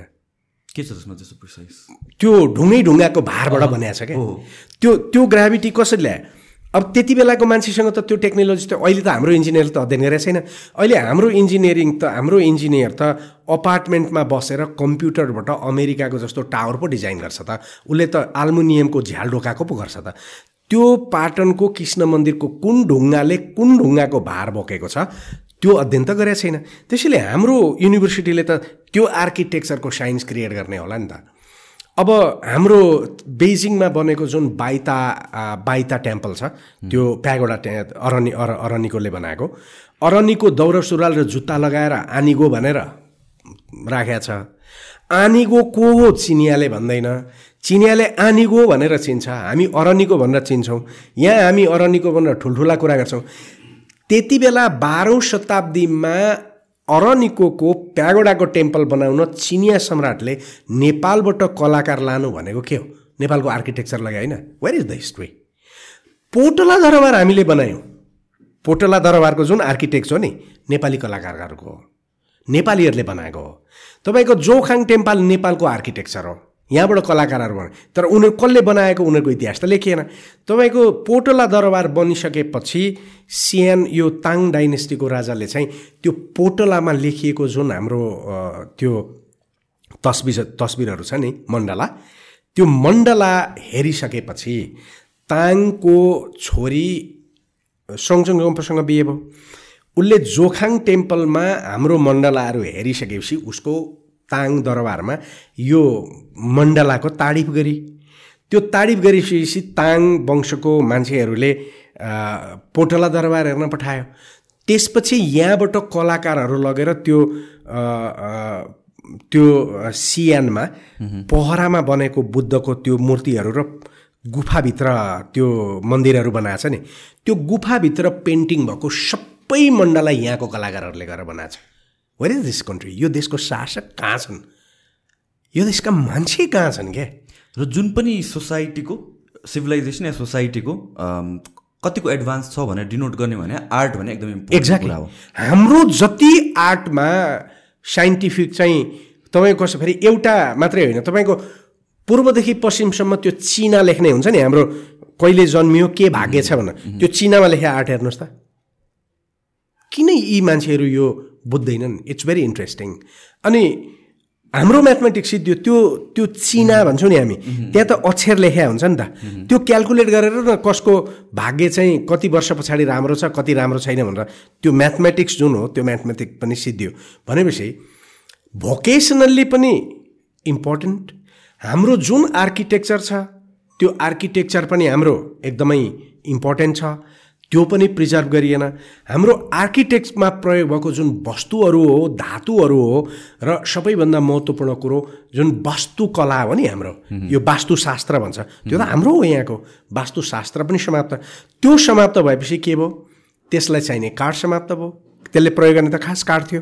त्यो काठको बारेमा जङ्गलमा कसैलाई थाहा भएन। त्यो काठ सिद्धियो।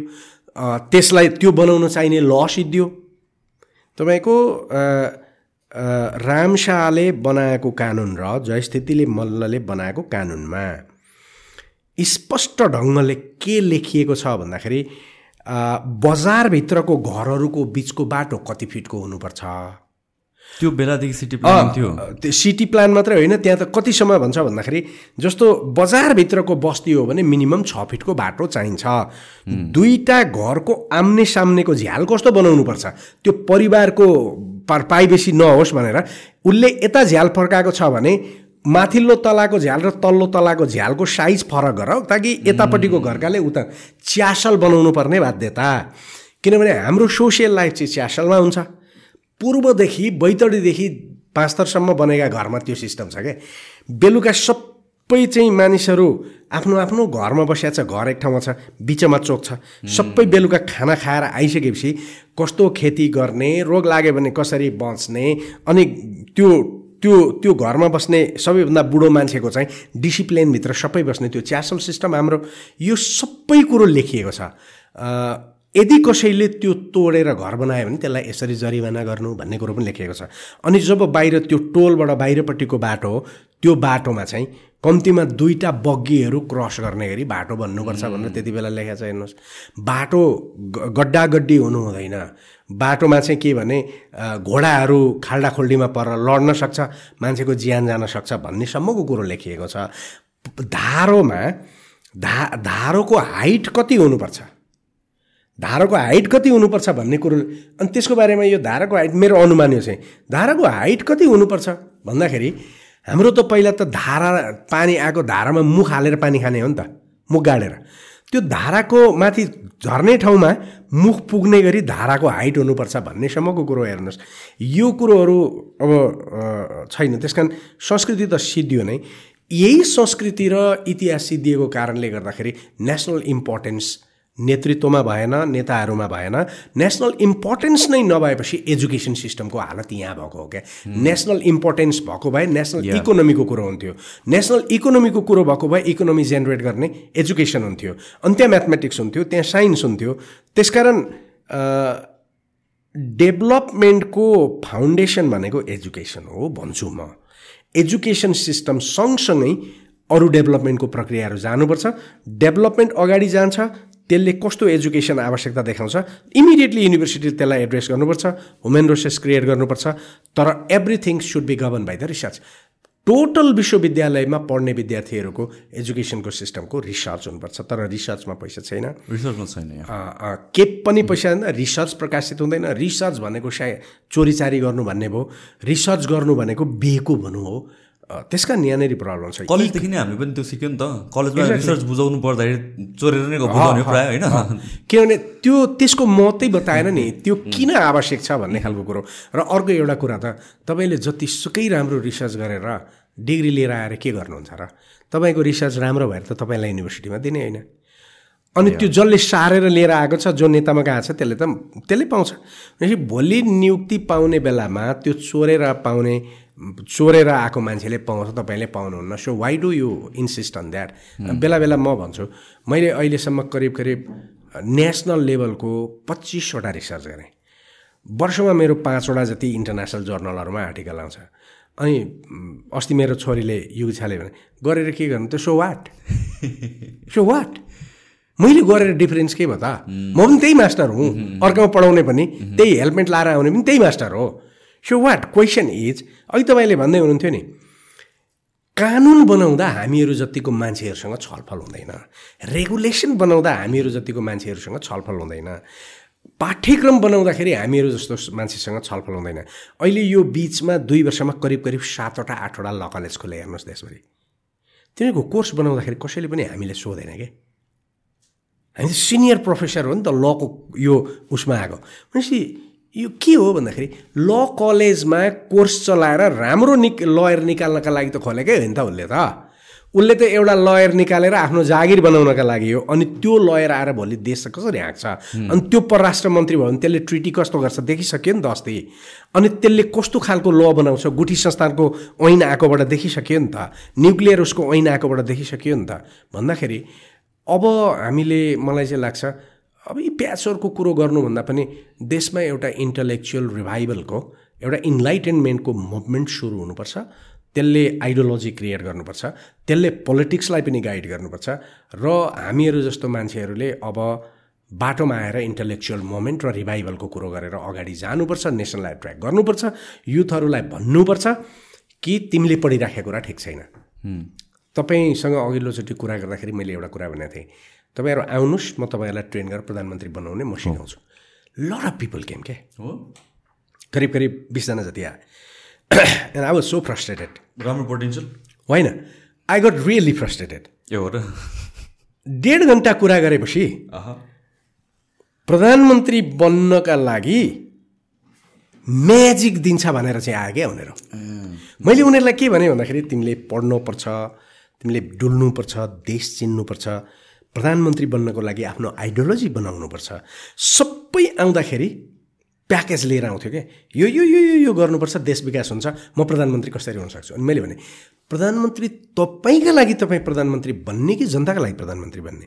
नन अफ देम होस् देयर जो जनताका लागि प्रधानमन्त्री बन्न चाहन्थ्यो उसको के सोच्थ्यो भने म ट्यालेन्ट छु त्यस कारण प्रधानमन्त्री बन्नुपर्छ।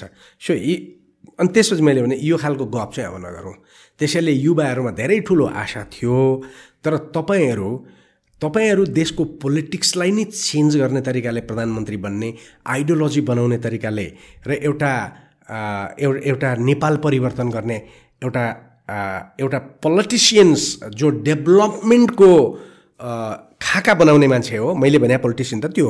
यो अहिलेका नेताको जस्तो सत्तामा लडाइँ गर्ने पोलिटिसियन त मैले भने होइन नि। मैले भने त यो सत्तामा लडाइँ गर्ने प्रधानमन्त्री भने होइन नि। इमेजिनेसन गर्न सक्ने। एउटा देशको डेभलपमेन्ट कस्तो हुन्छ भनेर इमेजिनेसन गर्न सक्ने मान्छे पो मैले भने त। अनि कोही दुई चरणमा आएर कुरा गरेँ त्यसपछि आउन छोडेँ। मैले देखाएको बाटो गाह्रो थियो। मैले देखाएको बाटोमा धेरै पढ्नु पर्थ्यो। मैले देखाएको बाटोमा देश डुल्नु पर्थ्यो। कोही चाहिँ पहिलोचोटिबाट आएनन्। So I I am not much enthusiastic as that time today के मेन हुनुपर्ने क्राइटेरिया चाहिँ के थियो? जस्तो उम्, युवाहरूले हामीले अहिले कुरा गऱ्यौँ नि इतिहास समाप्त छ कल्चर समाप्त छ इकोनोमी समाप्त छ हाम्रो मनोविज्ञान समाप्त छ केटाकेटीले केही पनि जान्दैन। बाबुआमाले बच्चा बच्चीलाई चाहिँ त्यो पेट पाले जस्तो बिरालो पाले जस्तो कुकुर पाले जस्तो गरेर पालेको छ। खाना दिएछ काम गर्नु पर्दैन। अनि बच्चा बच्चीले काम गर्नु पर्दैन। हाम्रो संस्कार त के हो भन्दाखेरि छोराछोरीले छ सात वर्षको बच्चा बच्चीले घरभित्रको काम गर्ने हो नि। ह्युमन राइट भाइलेसन होइन क्या त्यो। उसले आफ्नो लुगा पट्याउन सिक्नु आफ्नो लुगा आइरन लगाउनु आफ्नो किताब पट्याएर राख्ने अनि आफ्नो चाहिँ भित्र घरको त्यो बढार्ने के अरे सम्भव भयो भने आमालाई खाना बनाउने बेला सहयोग गर्ने। हामीले यो सिकाएर उनीहरूलाई लिएर जाने हो नि। तर हामीले कसरी बच्चा बच्ची पालिरहेछौँ भन्दाखेरि तिमी पढ्ने हो तिमीले पढ्ने बाहेक अर्थ केही पनि गर्ने होइन।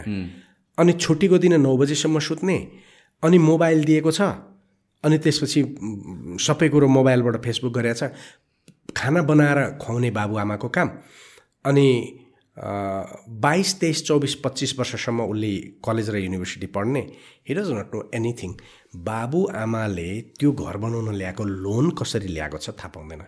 बाउले आमाले चढेको गाडीको ब्याज कति तिरेको छ भन्ने पनि ऊ थाहा पाउँदैन। माथि तलामा आफू बसेर तल भाडामा लगाएर त्यो भाडाबाट उठेको पैसाले आफ्नो काम चलाइराखेको छ भन्ने छोरालाई थाहा छैन। टुई टुई जग्गा बेचेको छ जग्गा बेचेर एउटै घरमा चारजना दाजुभाइ छ एउटा गाडी छ चारवटा मोटरसाइकल छ। एउटा मोटरसाइकल प्रयोग गर्दा पनि हुन्थ्यो होला चारवटा मोटरसाइकल छ। सो हामीले युथलाई त के एउटा दियौँ भनेर भन्दाखेरि हामीले भनेकै कुरो यहाँलाई पनि यहाँको बुवाले भन्नुभएको होला। मलाई पनि मेरो बुवाले भन्थे होइन। हामीले साह्रै दुःख गऱ्यौँ तिमीहरूलाई चाहिँ दुःख नहोस्। हामीले भन्दा बढी दुःख तिमीहरूले गर्नुपर्छ। हामीले जति गऱ्यौँ त्योभन्दा बढी दुःख तिमीहरूले गर्नुपर्छ। भन्ने एजुकेसन दिएको थियो भने मैले जति जानेको छु त्योभन्दा बढी तिमीहरूले जान्नुपर्छ। भनेको थियो भने हुन्थ्यो होला। अब म देख्छु के भनेर भन्दाखेरि कलेजमा पढ्न आएको केटाकेटीहरूमा सङ्घर्ष गर्ने कुनै पनि खालको कुनै पनि खालको त्यो चाहना देख्दिनँ क्या। हामीले स्ट्रगल गर्नुपर्छ। हामी चाहिँ यस्तो कमजोर देश दुईवटा देशको बिचमा चेपिएको देश। हामी इन्टरनेसनल लमा अत्यन्तै ठुलो एक्सपर्ट भयौँ भने हामी इन्डिया र चिनीहरूलाई लल्कार्न सक्छौँ अमेरिकनलाई लल्कार्न सक्छौँ भन्ने पो सिक्ने होला त। सिक्दैन। नेपाली भाषा पनि खतम छ। नेवारका छोराछोरीको नेवारी भाषा पनि खतम छ। नेवारीमा बोल्न जान्दैन। नेपाली बोल्नेको नेपाली छैन। अझ कसरी बोल्छ तपाईँलाई म अझै भनौँ। टुवेल्भवटा भन्छ क्या? टुवेल्भवटा भन्छ। अनि मलाई बडै घिन लाग्छ त्यो। त्यो टुवेल्भवटा भने के? कि बाह्रवटा भन् कि टुवेल्भ भन्न अनि न नेपाली बोल्छ न अङ्ग्रेजी कम्प्लिट बोल्छ। न नेवारी बोल्छ न मैथिली बोल्छ। मैथिलीमा प्रेजेन्टेसन गर्न लगाउँछु उसको भाषा नबिर्सोस् भनेर। बोल्न सक्दैन। नेवारीमा प्रेजेन्टेसन गर्न लगाउँछु म। प्रेजेन्टेसन गर्न सक्दैन। नेपालीमा बोल्न लगायो भने जम्मा भर नेपाली भन्छ बाँकी नाउन जति जम्मै अङ्ग्रेजी भन्छ। अङ्ग्रेजीमा बोल्न लगायो भने अनि नेपाली स्टाइलमा मिक्स हुन्छ सबै। त नि अन्त भनी भनी अङ्ग्रेजी बोल्न थाल्छ। So what is this education यदि यसको विरुद्धमा हामीले तर त्यो बच्चा बच्चीलाई त गाली गरेर भएन नि त। यो फेलियर कुन कस्टको फेलियर हो? पोलिटिकल पार्टिजहरूको यिनीहरूलाई पोलिटिकल पार्टिजको नेता बनाएको त यिनीहरूलाई भात खुवाउनका लागि होइन नि त। हामीले यिनीहरूका मोचका लागि त होइन नि त। यिनीहरूलाई डेलिभर गर्नका लागि गरेको थियो नि। Why they fail to deliver उनीहरूले भन्नु पऱ्यो उनीहरूसँग क्षमता नभएर डेलिभर गर्न नसकेको हो भने हामीसँग तपाईँहरूले चाहे जस्तो क्षमता रहेन रहेछ डेलिभर गर्न सकेनौँ। So we clean we clear the place okay you people come भन्नु पऱ्यो उनीहरूले नसकेर हो भने तर त्यो त उनीहरू महसुस गरिरहेको छैनन्। भनेपछि उनीहरूले डेलिभर गर्न नचाहेर डेलिभर नभएको रहेछ नि त।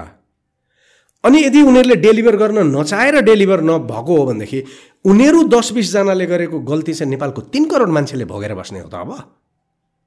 So what is Sushant responsibility and what is my responsibility म त अहिले मरेँ भने नि। म स्वर्ग जान्न क्या मैले त नेसनप्रतिको अब्लिगेसन पुरा गरिनँ नि। मैले त बोलिनँ नि मैले त जाने थिएँ यो कुरो बोलिनँ। So I have to speak भन्ने मेरो भनाइ हो कि अहिले। अब बोल्नुपर्छ। अघि तपाईँले कुरा कोट्याउँदै हुन्थ्यो अहिलेको इकोनोमी हेर्नुहोस् न मान्छेको कत्रो चाहिँ मतलब एउटा त्रास छ अहिले। म ठ्याक्कै यही पोइन्टमा आउनु लागेको थिएँ। जुन हाम्रो अहिले इकोनोमिक क्राइसिसको एउटा एउटा हामीले देख्यौँ नि एउटा के भन्ने एउटा साइन देख्यौँ हामीले। I have feeling like the यो भनेको लास्ट वार्निङ हो जस्तो लाग्छ कि अफ अ फेलिङ इकोनोमी हामीले अहिले पनि इम्प्रुभ गर्न सकेनौँ भने जुन हिसाबले हामीहरू कन्ज्युमर इकोनोमी छौँ प्रड्युसर इकोनोमी छैनौँ हामीहरू। त्यसको लागि चाहिँ यो वार्निङ दिएको मात्र हो जस्तो लाग्छ कि अब पनि हामी इन्टरनल इकोनोमी डेभलप नगर्ने हो र यही हिसाबले ल चलिरहेको छ चलाउँदै लगौँ भनेर जाने हो भने पछि करेक्ट गर्नु चाहिँ it will be close to impossible के। र जुन अघिको कुरामा मैले जोडेँ तपाईँले एजुकेसन सिस्टमको कुरा आयो र जुन अन्टरप्रिनरहरू तपाईँको आएर भेट्न आउनुभएको।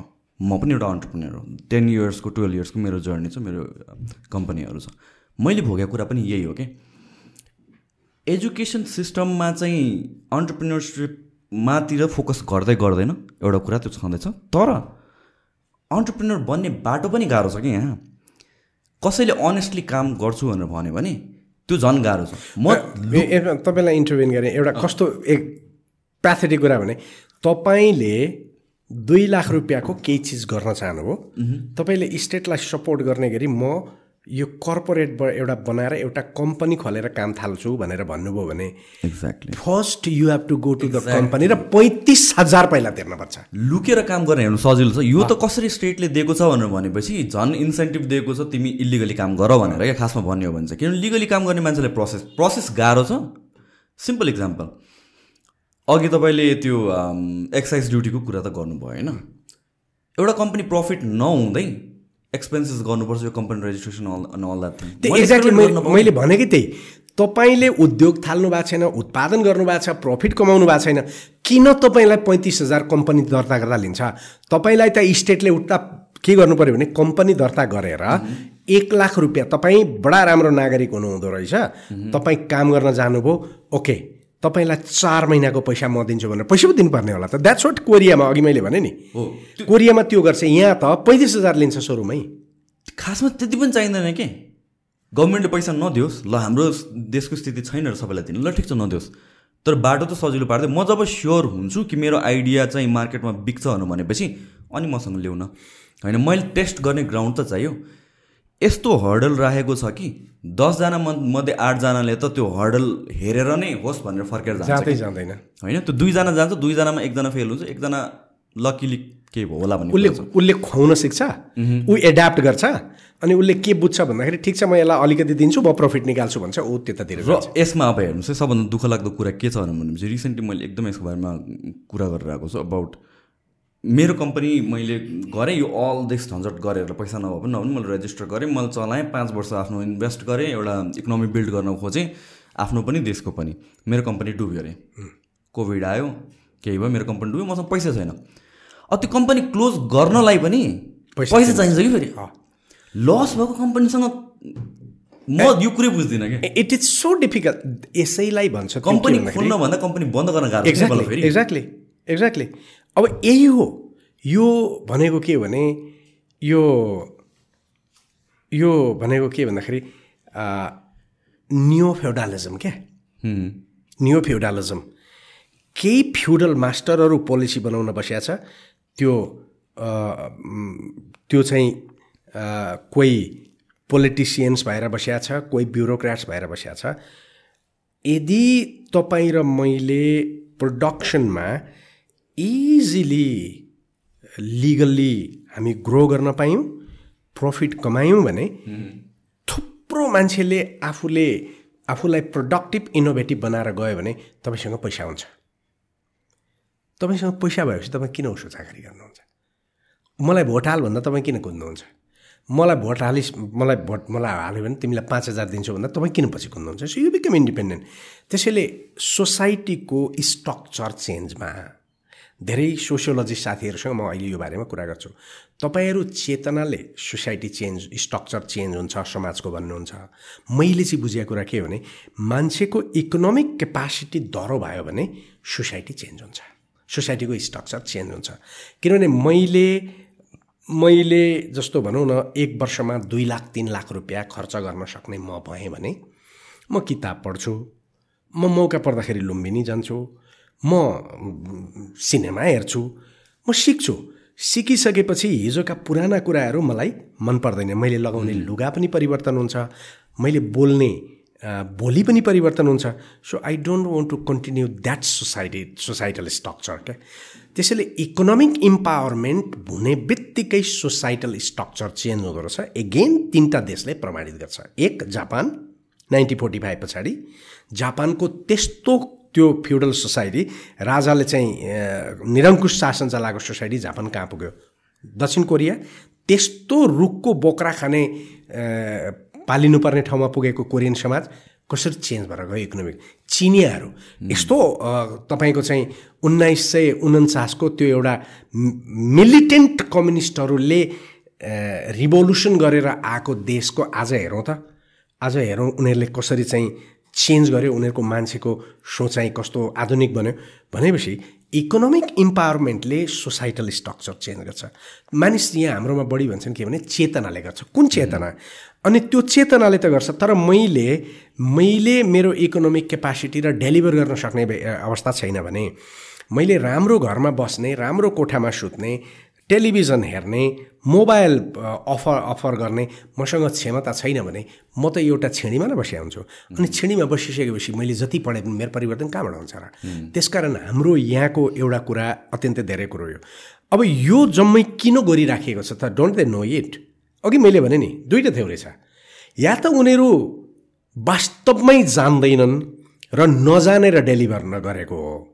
या त उनीहरू असाध्यै धेरै फ्युडल मान्छेहरू हो। उनीहरूले जानेको छ तपाईँ हाम्रो इकोनोमिक क्यापासिटी ग्रो गर्यो भने नेसन मोर इन्डिपेन्डेन्ट हुन्छ पिपल मोर फ्री हुन्छ र पोलिटिसियनहरूलाई पिपलले कन्ट्रोल गर्छ भन्ने लागेको हुनाले उनीहरू पिपललाई चाहिँ इकोनोमिक प्रोडक्ट प्रोडक्टिभिटीमा लानै चाहँदैन। उनीहरू के भने भेडा बाख्रा जस्तो शासन गर्न चाहन्छ। यो डिबेट भएन देशमा।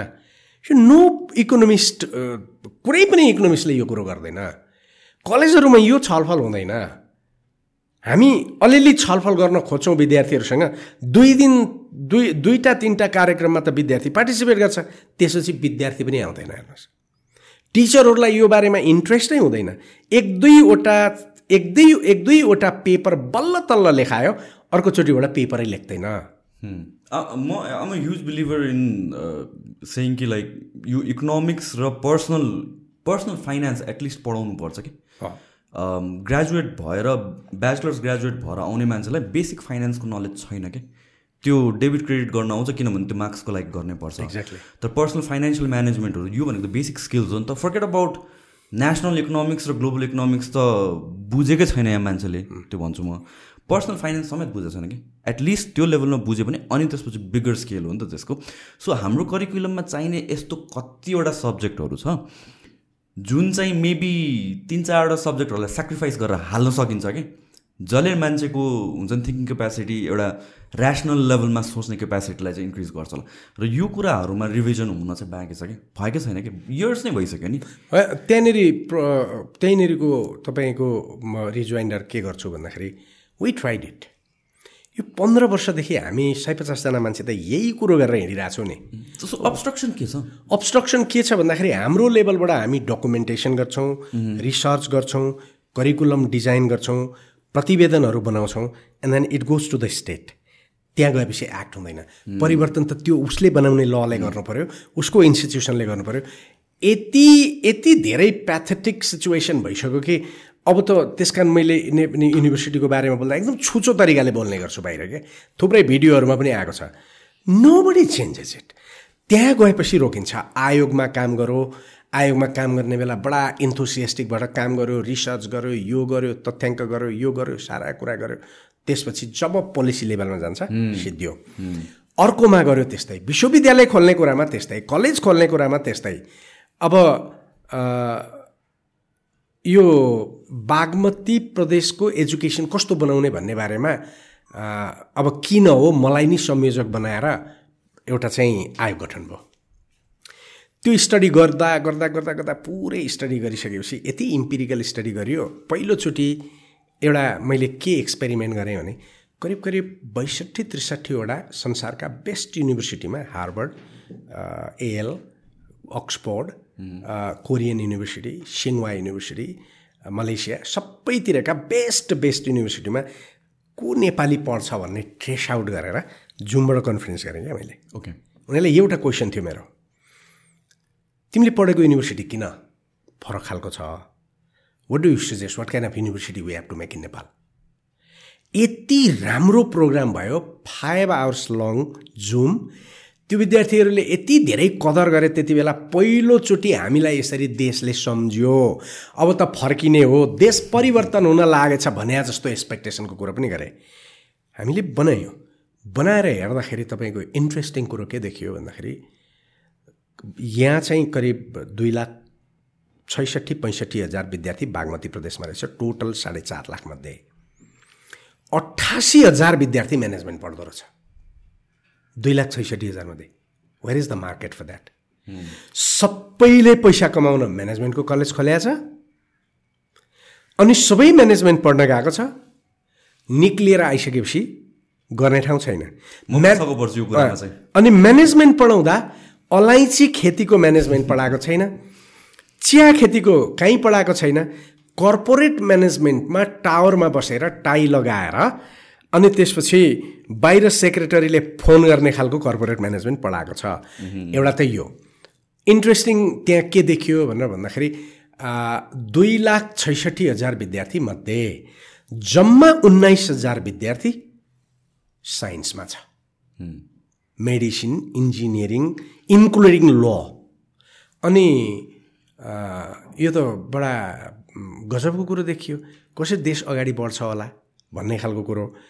अनि अर्को एउटा कुरो के देखियो भनेर भन्दाखेरि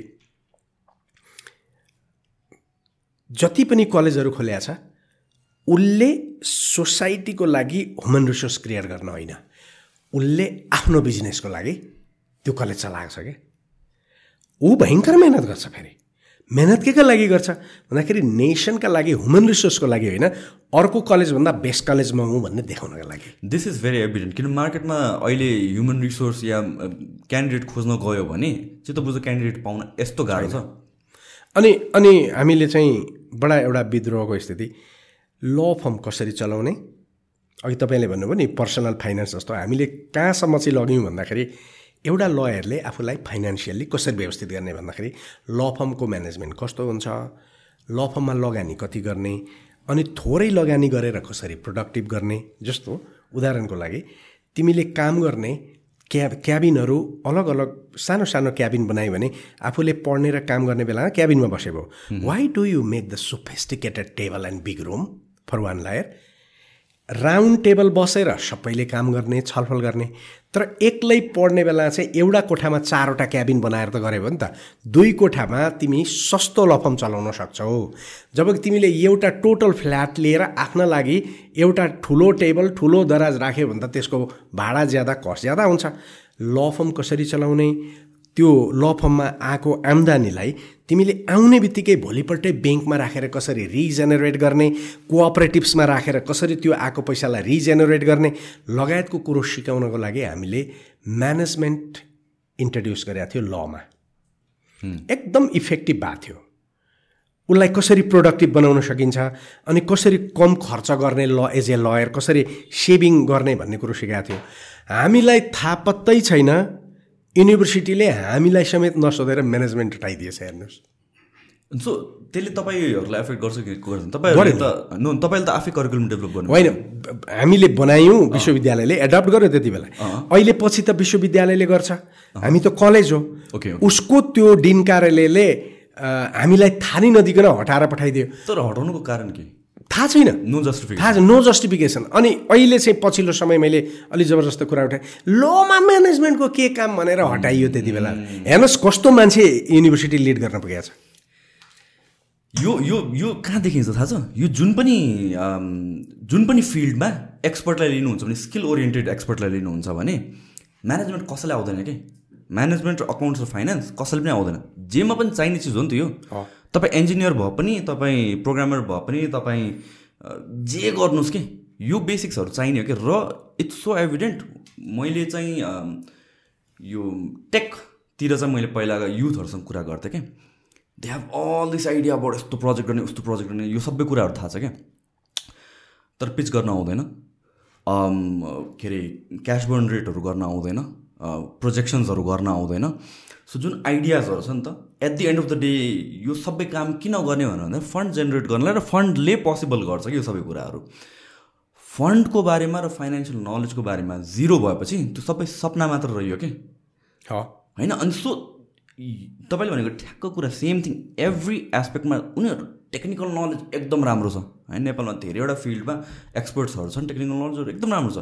तर त्यो टेक्निकल नलेज सँगसँगै फाइनेन्सियल म्यानेजमेन्ट त जिरो छ कि? अनि एउटा कम्पनी सस्टेन किन हुँदैन एक्सपर्ट भएर पनि हुनु भनेपछि इट्स बिकज अफ दिस एउटा इम्पोर्टेन्ट मिसिङ लिङ्क नै छैन क्या।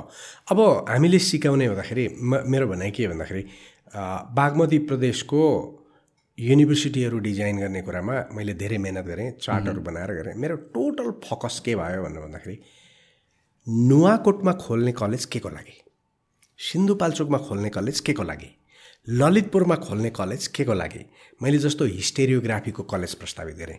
काठमाडौँ भ्यालीभित्र यो गाइडहरू निर्माण गर्ने। त्यो गाइड भन्ने शब्द गलत भयो। त प्रोफेसनल हो नि। उसलाई अर्को शब्द दिएर राखौँ। हामी पाँच हजार मान्छे इम्प्लोइमेन्ट क्रिएट गर्न सक्छौँ। यहाँ भन्दै भन्दै मैले त्यो गरेँ।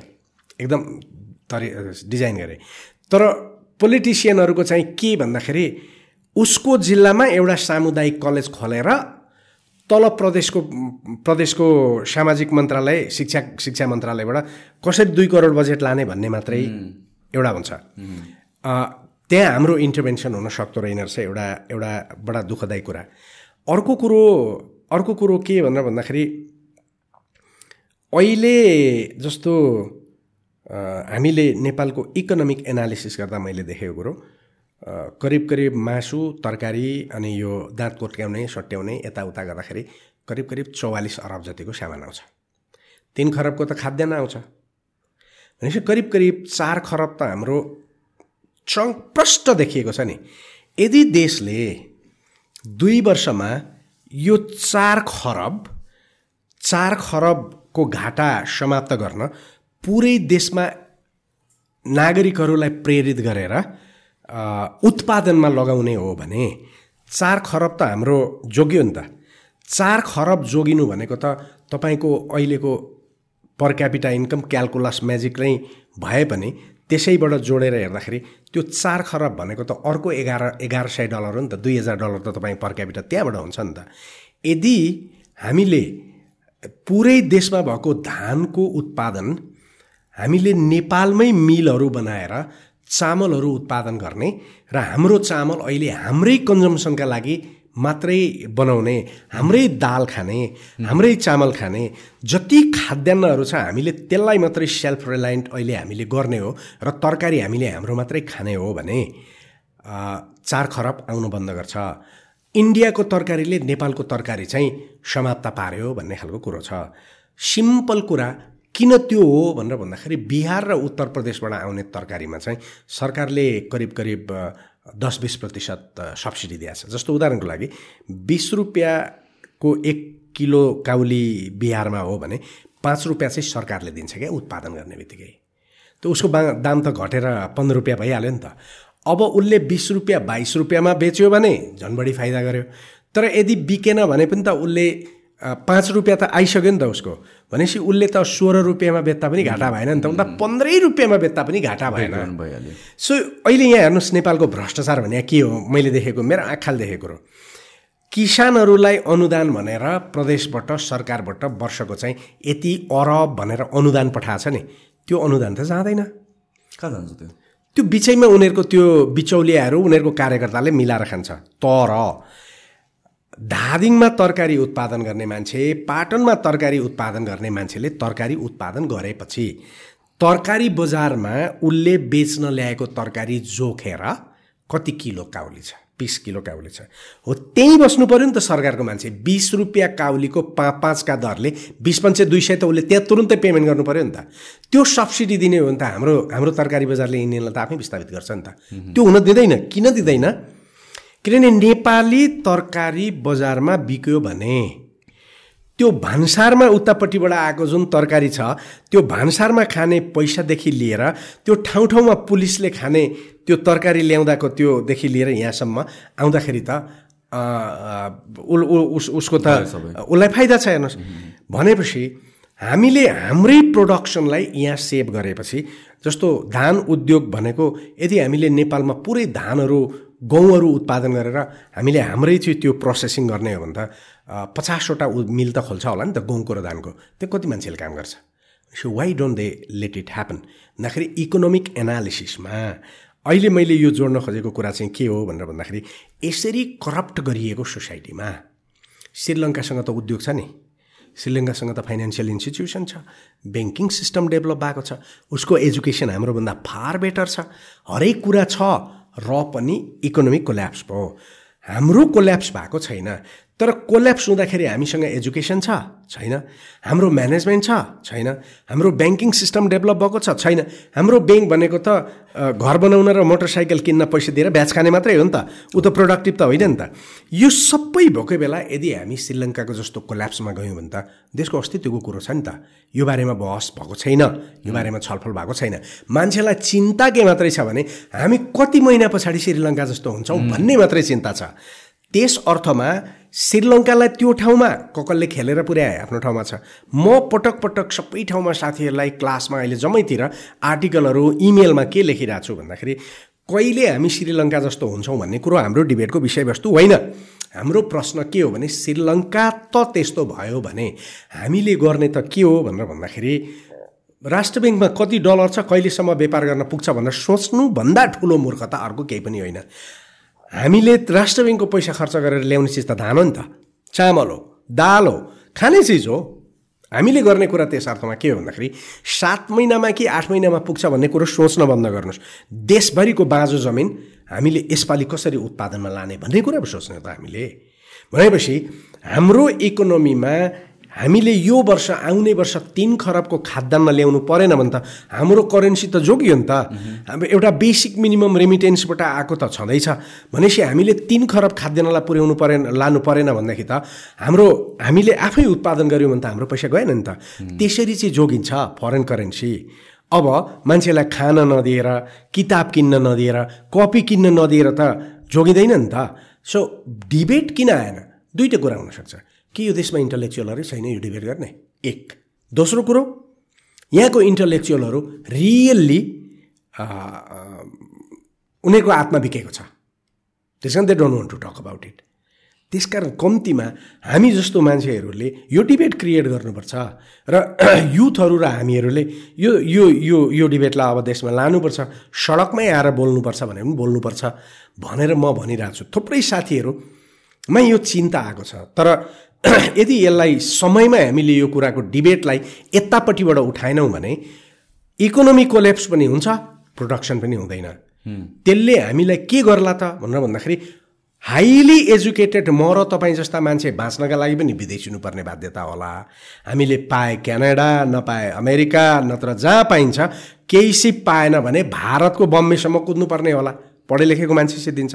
नपढे लेखेको मान्छे जति चौकीदारमा इन्डियामै सिद्धिन्छ। अनि when there is no population to produce in Nepal त्यसको परिणाम के हो? त्यस कारण मैले देखेको कुरो छ महिना सात महिना पछाडि श्रीलङ्का भएर देश रहने कि नरहने भन्दा पनि यदि हामीले हाम्रो प्रोडक्सनलाई इन्हान्स गर्न सकेनौँ हाम्रो प्रोडक्सनमा अगाडि लान सकेनौँ र देशका युथहरूले यो पोलिटिसियन्सहरूले डेलिभर गर्न नसकेको कुरो र ढाँटेको कुरो नपत्याएर अब अलग नगि न नअलग अलग नहुने हो र हामीले अब हामी सस्टेनेबल हुने। यिनीहरूले गरोस् या नगरोस् तर हामीले लेट्स मेक द कन्ट्री हामीले सबै युवाहरूलाई इन्टरप्राइजिङ बन्न प्रेरित गर्ने तिमी पोलिटिक्समा आऊ अब भन्ने र चेन्ज गर। तिम्रै पार्टीभित्र तिम्रो नेतृत्व चेन्ज गर भनेर हामीले नभन्ने हो भने देशको क्वेसन चाहिँ त्यहाँनिर देखिरहेको छु। त्यसैले यदि आठ महिना नौ महिना पछाडि हामी श्रीलङ्का भयौँ भने we never revive Sri Lanka revive गर्न सक्छ। समुद्रको छेउमा छ। कुनै एउटा धनी देशले फेरि अमेरिकाले चिनले भारतले रिभाइभ गरिदिन चाह्यो भने रिभाइभ हुन्छ। But we are not like that हाम्रो ट्रेड इन्डियासँग डिपेन्ड छ। हामीले पैसा तिर्न सकेनौँ भने इन्डियाबाट सो त त्यो अटोमेटिकली ब्लकेट हुन्छ। And we already antagonise China हामीले चाइनालाई पुरै एन्टागोनाइज गरिसक्यौँ। And they are not going to give you the petrol next time यदि अब फेरि पेट्रोलको क्राइसिस हो भने China is not going to give you the petrol अनि इन्डियाले त ठिक छ। चाइनासँग पेट्रोलको प्रब्लम छैन ग्यासको प्रब्लम छैन रसियनले सबै उता डाइभर्ट गरिदियो। तर इन्डियामा पेट्रोलको क्राइसिस हुनसक्छ यदि यही तरिकाले गयो भने अब रसियनहरूले पनि इन्डियनलाई तेल दिएन भने त इन्डियाले हामीलाई तेल दिन सक्दैन द्याट टाइम हामीले भन्ने त के होला भनेर भन्दाखेरि तिमीले तेल देऊ बेसिक मिनिमम तेल देऊ भनेर त चिन्ला भन्ने होला। उसले सिगाछीसम्म ल्याएको छ पाइप। त्यो पाइप तिमीले हाम्रो चाहिँ सिमानासम्म ल्याएर भए पनि हामीलाई तेल देऊ। भन्ने बाटो राख्यौँ र हामीले। हामीले त राखेनौँ। हामीले त के गर्यौँ एसपिपी सही गरेका छौँ एमसिसी गरेका छौँ।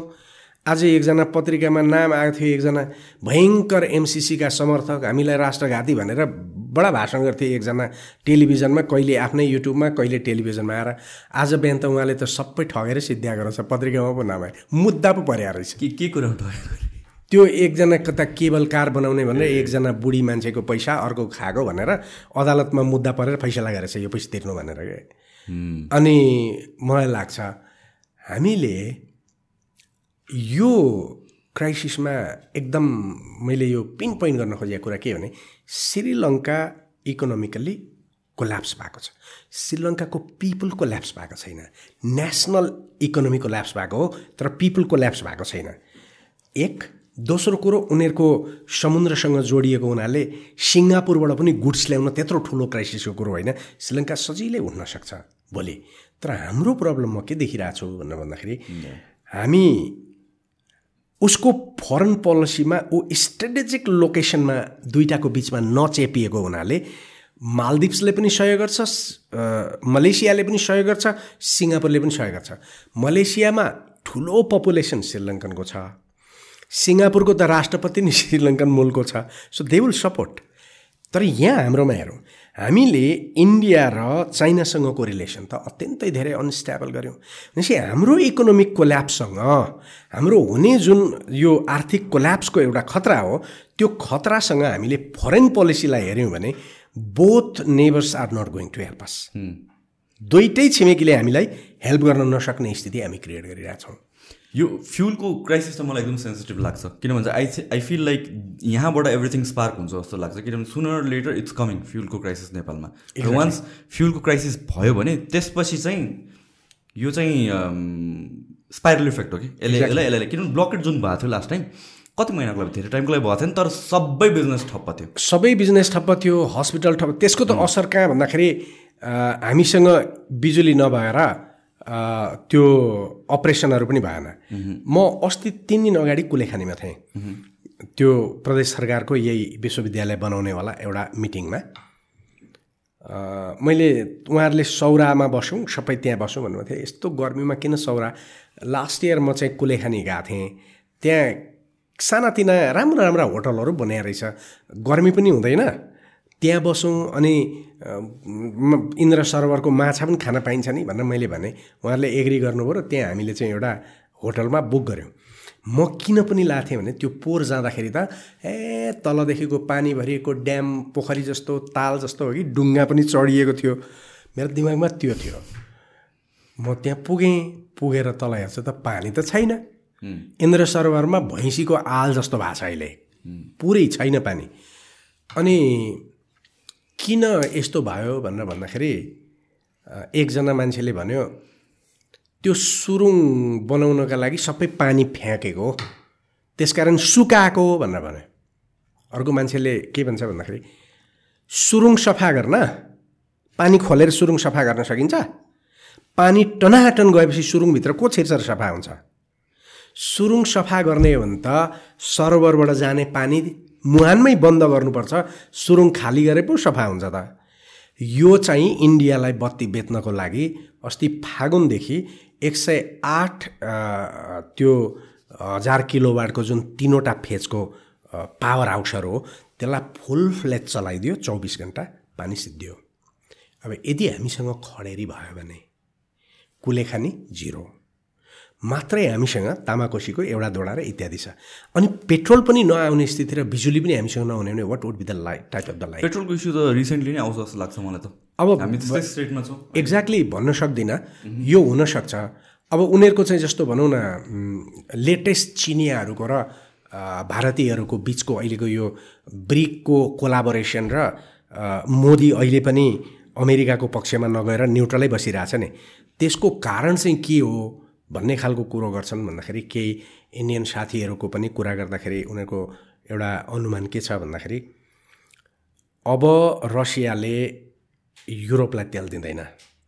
यति धेरै तेल दिएर पनि युरोप रसियाको पक्षमा हुने रहेन रहेछ भन्ने त्यो उसको नाकमा नि नाटो पुर्याएको कारणबाट रसियाले बुझ्यो। अब युक्रेन रहे पनि नरहे पनि अब रसियाको युरोपसँगको राम्रो सम्बन्ध सदाका लागि सिद्धियो। कम्तीमा एनोदर सम हन्ड्रेड इयर्स चाहिँ अब राम्रो हुँदैन। अब रसिया कम्युनिस्ट र यो डेमोक्रेटिक भएर भएको भए मिल्थ्यो होला। यो दुइटै त्यो त कम्युनिस्ट होइन रसिया त। चाहिँ यो त लिबरलहरू लिबरलहरू बिचको नेसनल कन् इन्ट्रेस्टको क्लास हो। भनेपछि त्यसो भएदेखि रसियाको इनर्जी के हुन्छ त? भन्दा अहिले जुन त्यो युद्धरत स्थितिमा चाहिँ चिनिया र रसियनहरूले त्यो पाइप गाडिरहेछ चिनमा ल्याउनको लागि। सो के सुनिन्छ भनेर भन्दाखेरि India agreed to take Russian oil by China. जस्तो चाइनातिर छिराउने पाकिस्तानलाई पनि पाइपबाट दिने। रसियन तेल चाहिँ जस्तो उता उज्बेकिस्तानतिरबाट आएर इरान इरानबाट ल्याएर पाकिस्तानबाट उतातिर लान अफगानिस्तानबाट ल्याउन सकेन। पहिला त्यो प्रोजेक्ट त रसियनहरूको पनि असफल भयो। यदि चाइना र इन्डियाको रिलेसन राम्रो भयो भने चाहिँ जस्तो चाइनामा तेल आइसकेपछि that can be brought to Yunnan युनानमा ल्याउन सकिन्छ। युनानबाट बर्मा। बर्माबाट इन्डिया त सजिलैसँग हाल्न सकिन्छ। जस्तो यो त्रिपुरा बङ्गलादेश हुँदै यतापट्टि हाल्न सकिन्छ। So there is no crisis of Pakistan भन्दाखेरि इन्डियनहरू र चाइनिजहरू चाहिँ रसियन तेल पाइपबाट यो इन्डिया लान भित्र सहमति हो र इरान पनि त्यसमा जोडिएको छ। इरानियन अजरबैजानको तेल पनि त्यसभित्र जाने हो। यो गर्दाखेरि India is not very much worried because of that त्यसैले चाइनासँग लडाइँ हुँदैन भन्ने कुरो उनीहरूले आन्तरिक बुझिरहेको छ नि यो सिमानाको त लडाइँ त तपाईँको चाहिँ अब ट्वेन्टी पर्सेन्ट मात्रै बाँकी रह्यो भनेर त दुइटैले भनिसक्यो नि। चाइना र इन्डियाको डिप्लोमेसी त्यस्तो छैन? अहिले अहिले त्यस्तो प्रब्लम छैन। अब उनीहरूको के भने अधिकांश सेटल गर्यो बोर्डरको खालि केही भाइटल ठाउँमा छ। त्यसलाई अलिकति डिले गरौँ भन्ने खालको कुरोकानी छ। यदि त्यो हो भने इन्डियाले त रसियाको तेल पाउन सक्छ but China is not going to give to us हुँ। अनि यदि इन्डियाले त्यो तेल लग्यो भने इन्डियाले के भन्छ? डाइरेक्टली त नदे you give me the oil to come to India and I will give it to Nepal so चाइनाबाट आउने तेल पनि भोलि हामीलाई कताबाट आउने पर्ने हुन्छ। So do they understand this strategic diplomacy गर्दाखेरि म कहाँ देखिरहेको छु भने अहिले तपाईँले भन्नु भने तेलको क्राइसिस अनि हाम्रो खाद्यान्नको डिपेन्डेन्स अहिले अरू देशमाथि अर्को हाम्रो डिप्लोमेसीको फेलियर अनि हाम्रो श्रीलङ्का बन्न सक्ने यो फाइनेन्सियल क्राइसिसको सिचुएसन यो चार चिजलाई ब्यालेन्स गर्न सक्ने नेतृत्व छ कि छैन देशमा आई डोन्ट नो हुँ। र जुन हिसाबले strategically we are going about specially MCC आयो त्यसपछि यो स्टेट पार्टनरसिप प्रोग्राम भन्यो दिस फिल्स लाइक एउटा त्यो हरर मुभीहरूमा हुन्छ नि राति अँध्यारो हुन्छ अनि त्यसपछि त्यहाँ जानु हुँदैन भनेर थाहा हुँदा हुँदा पनि एकजना क्यारेक्टर जान्छ र मर्छ लास्टमा त्यो विटनेस गरिरहेको जस्तो लागिरहेको छ we cannot do anything about it but we सबैजनालाई चाहिँ deep down we know where it's heading kind of क्या हो त ठिक छ त्यति बेला जति बेला तपाईँ र मैले छलफल गरेको थियौँ त्यति बेला त हामीलाई त राष्ट्रघाती भनेर त बिचोक थियो नि त। बाटैमा हिँड्न पाइन्छ कि पाइँदैन भन्ने लागि लागेको थियो। अनि जस्तो एमसिसी त पास भयो। एमसिसी पास भएपछि त अब त अहिले त काम त हुनु थाल्नु पनि त। वेयर इज द एमसिसी अहिले त एमसिसी देख्दिनँ त म त कहीँ पनि।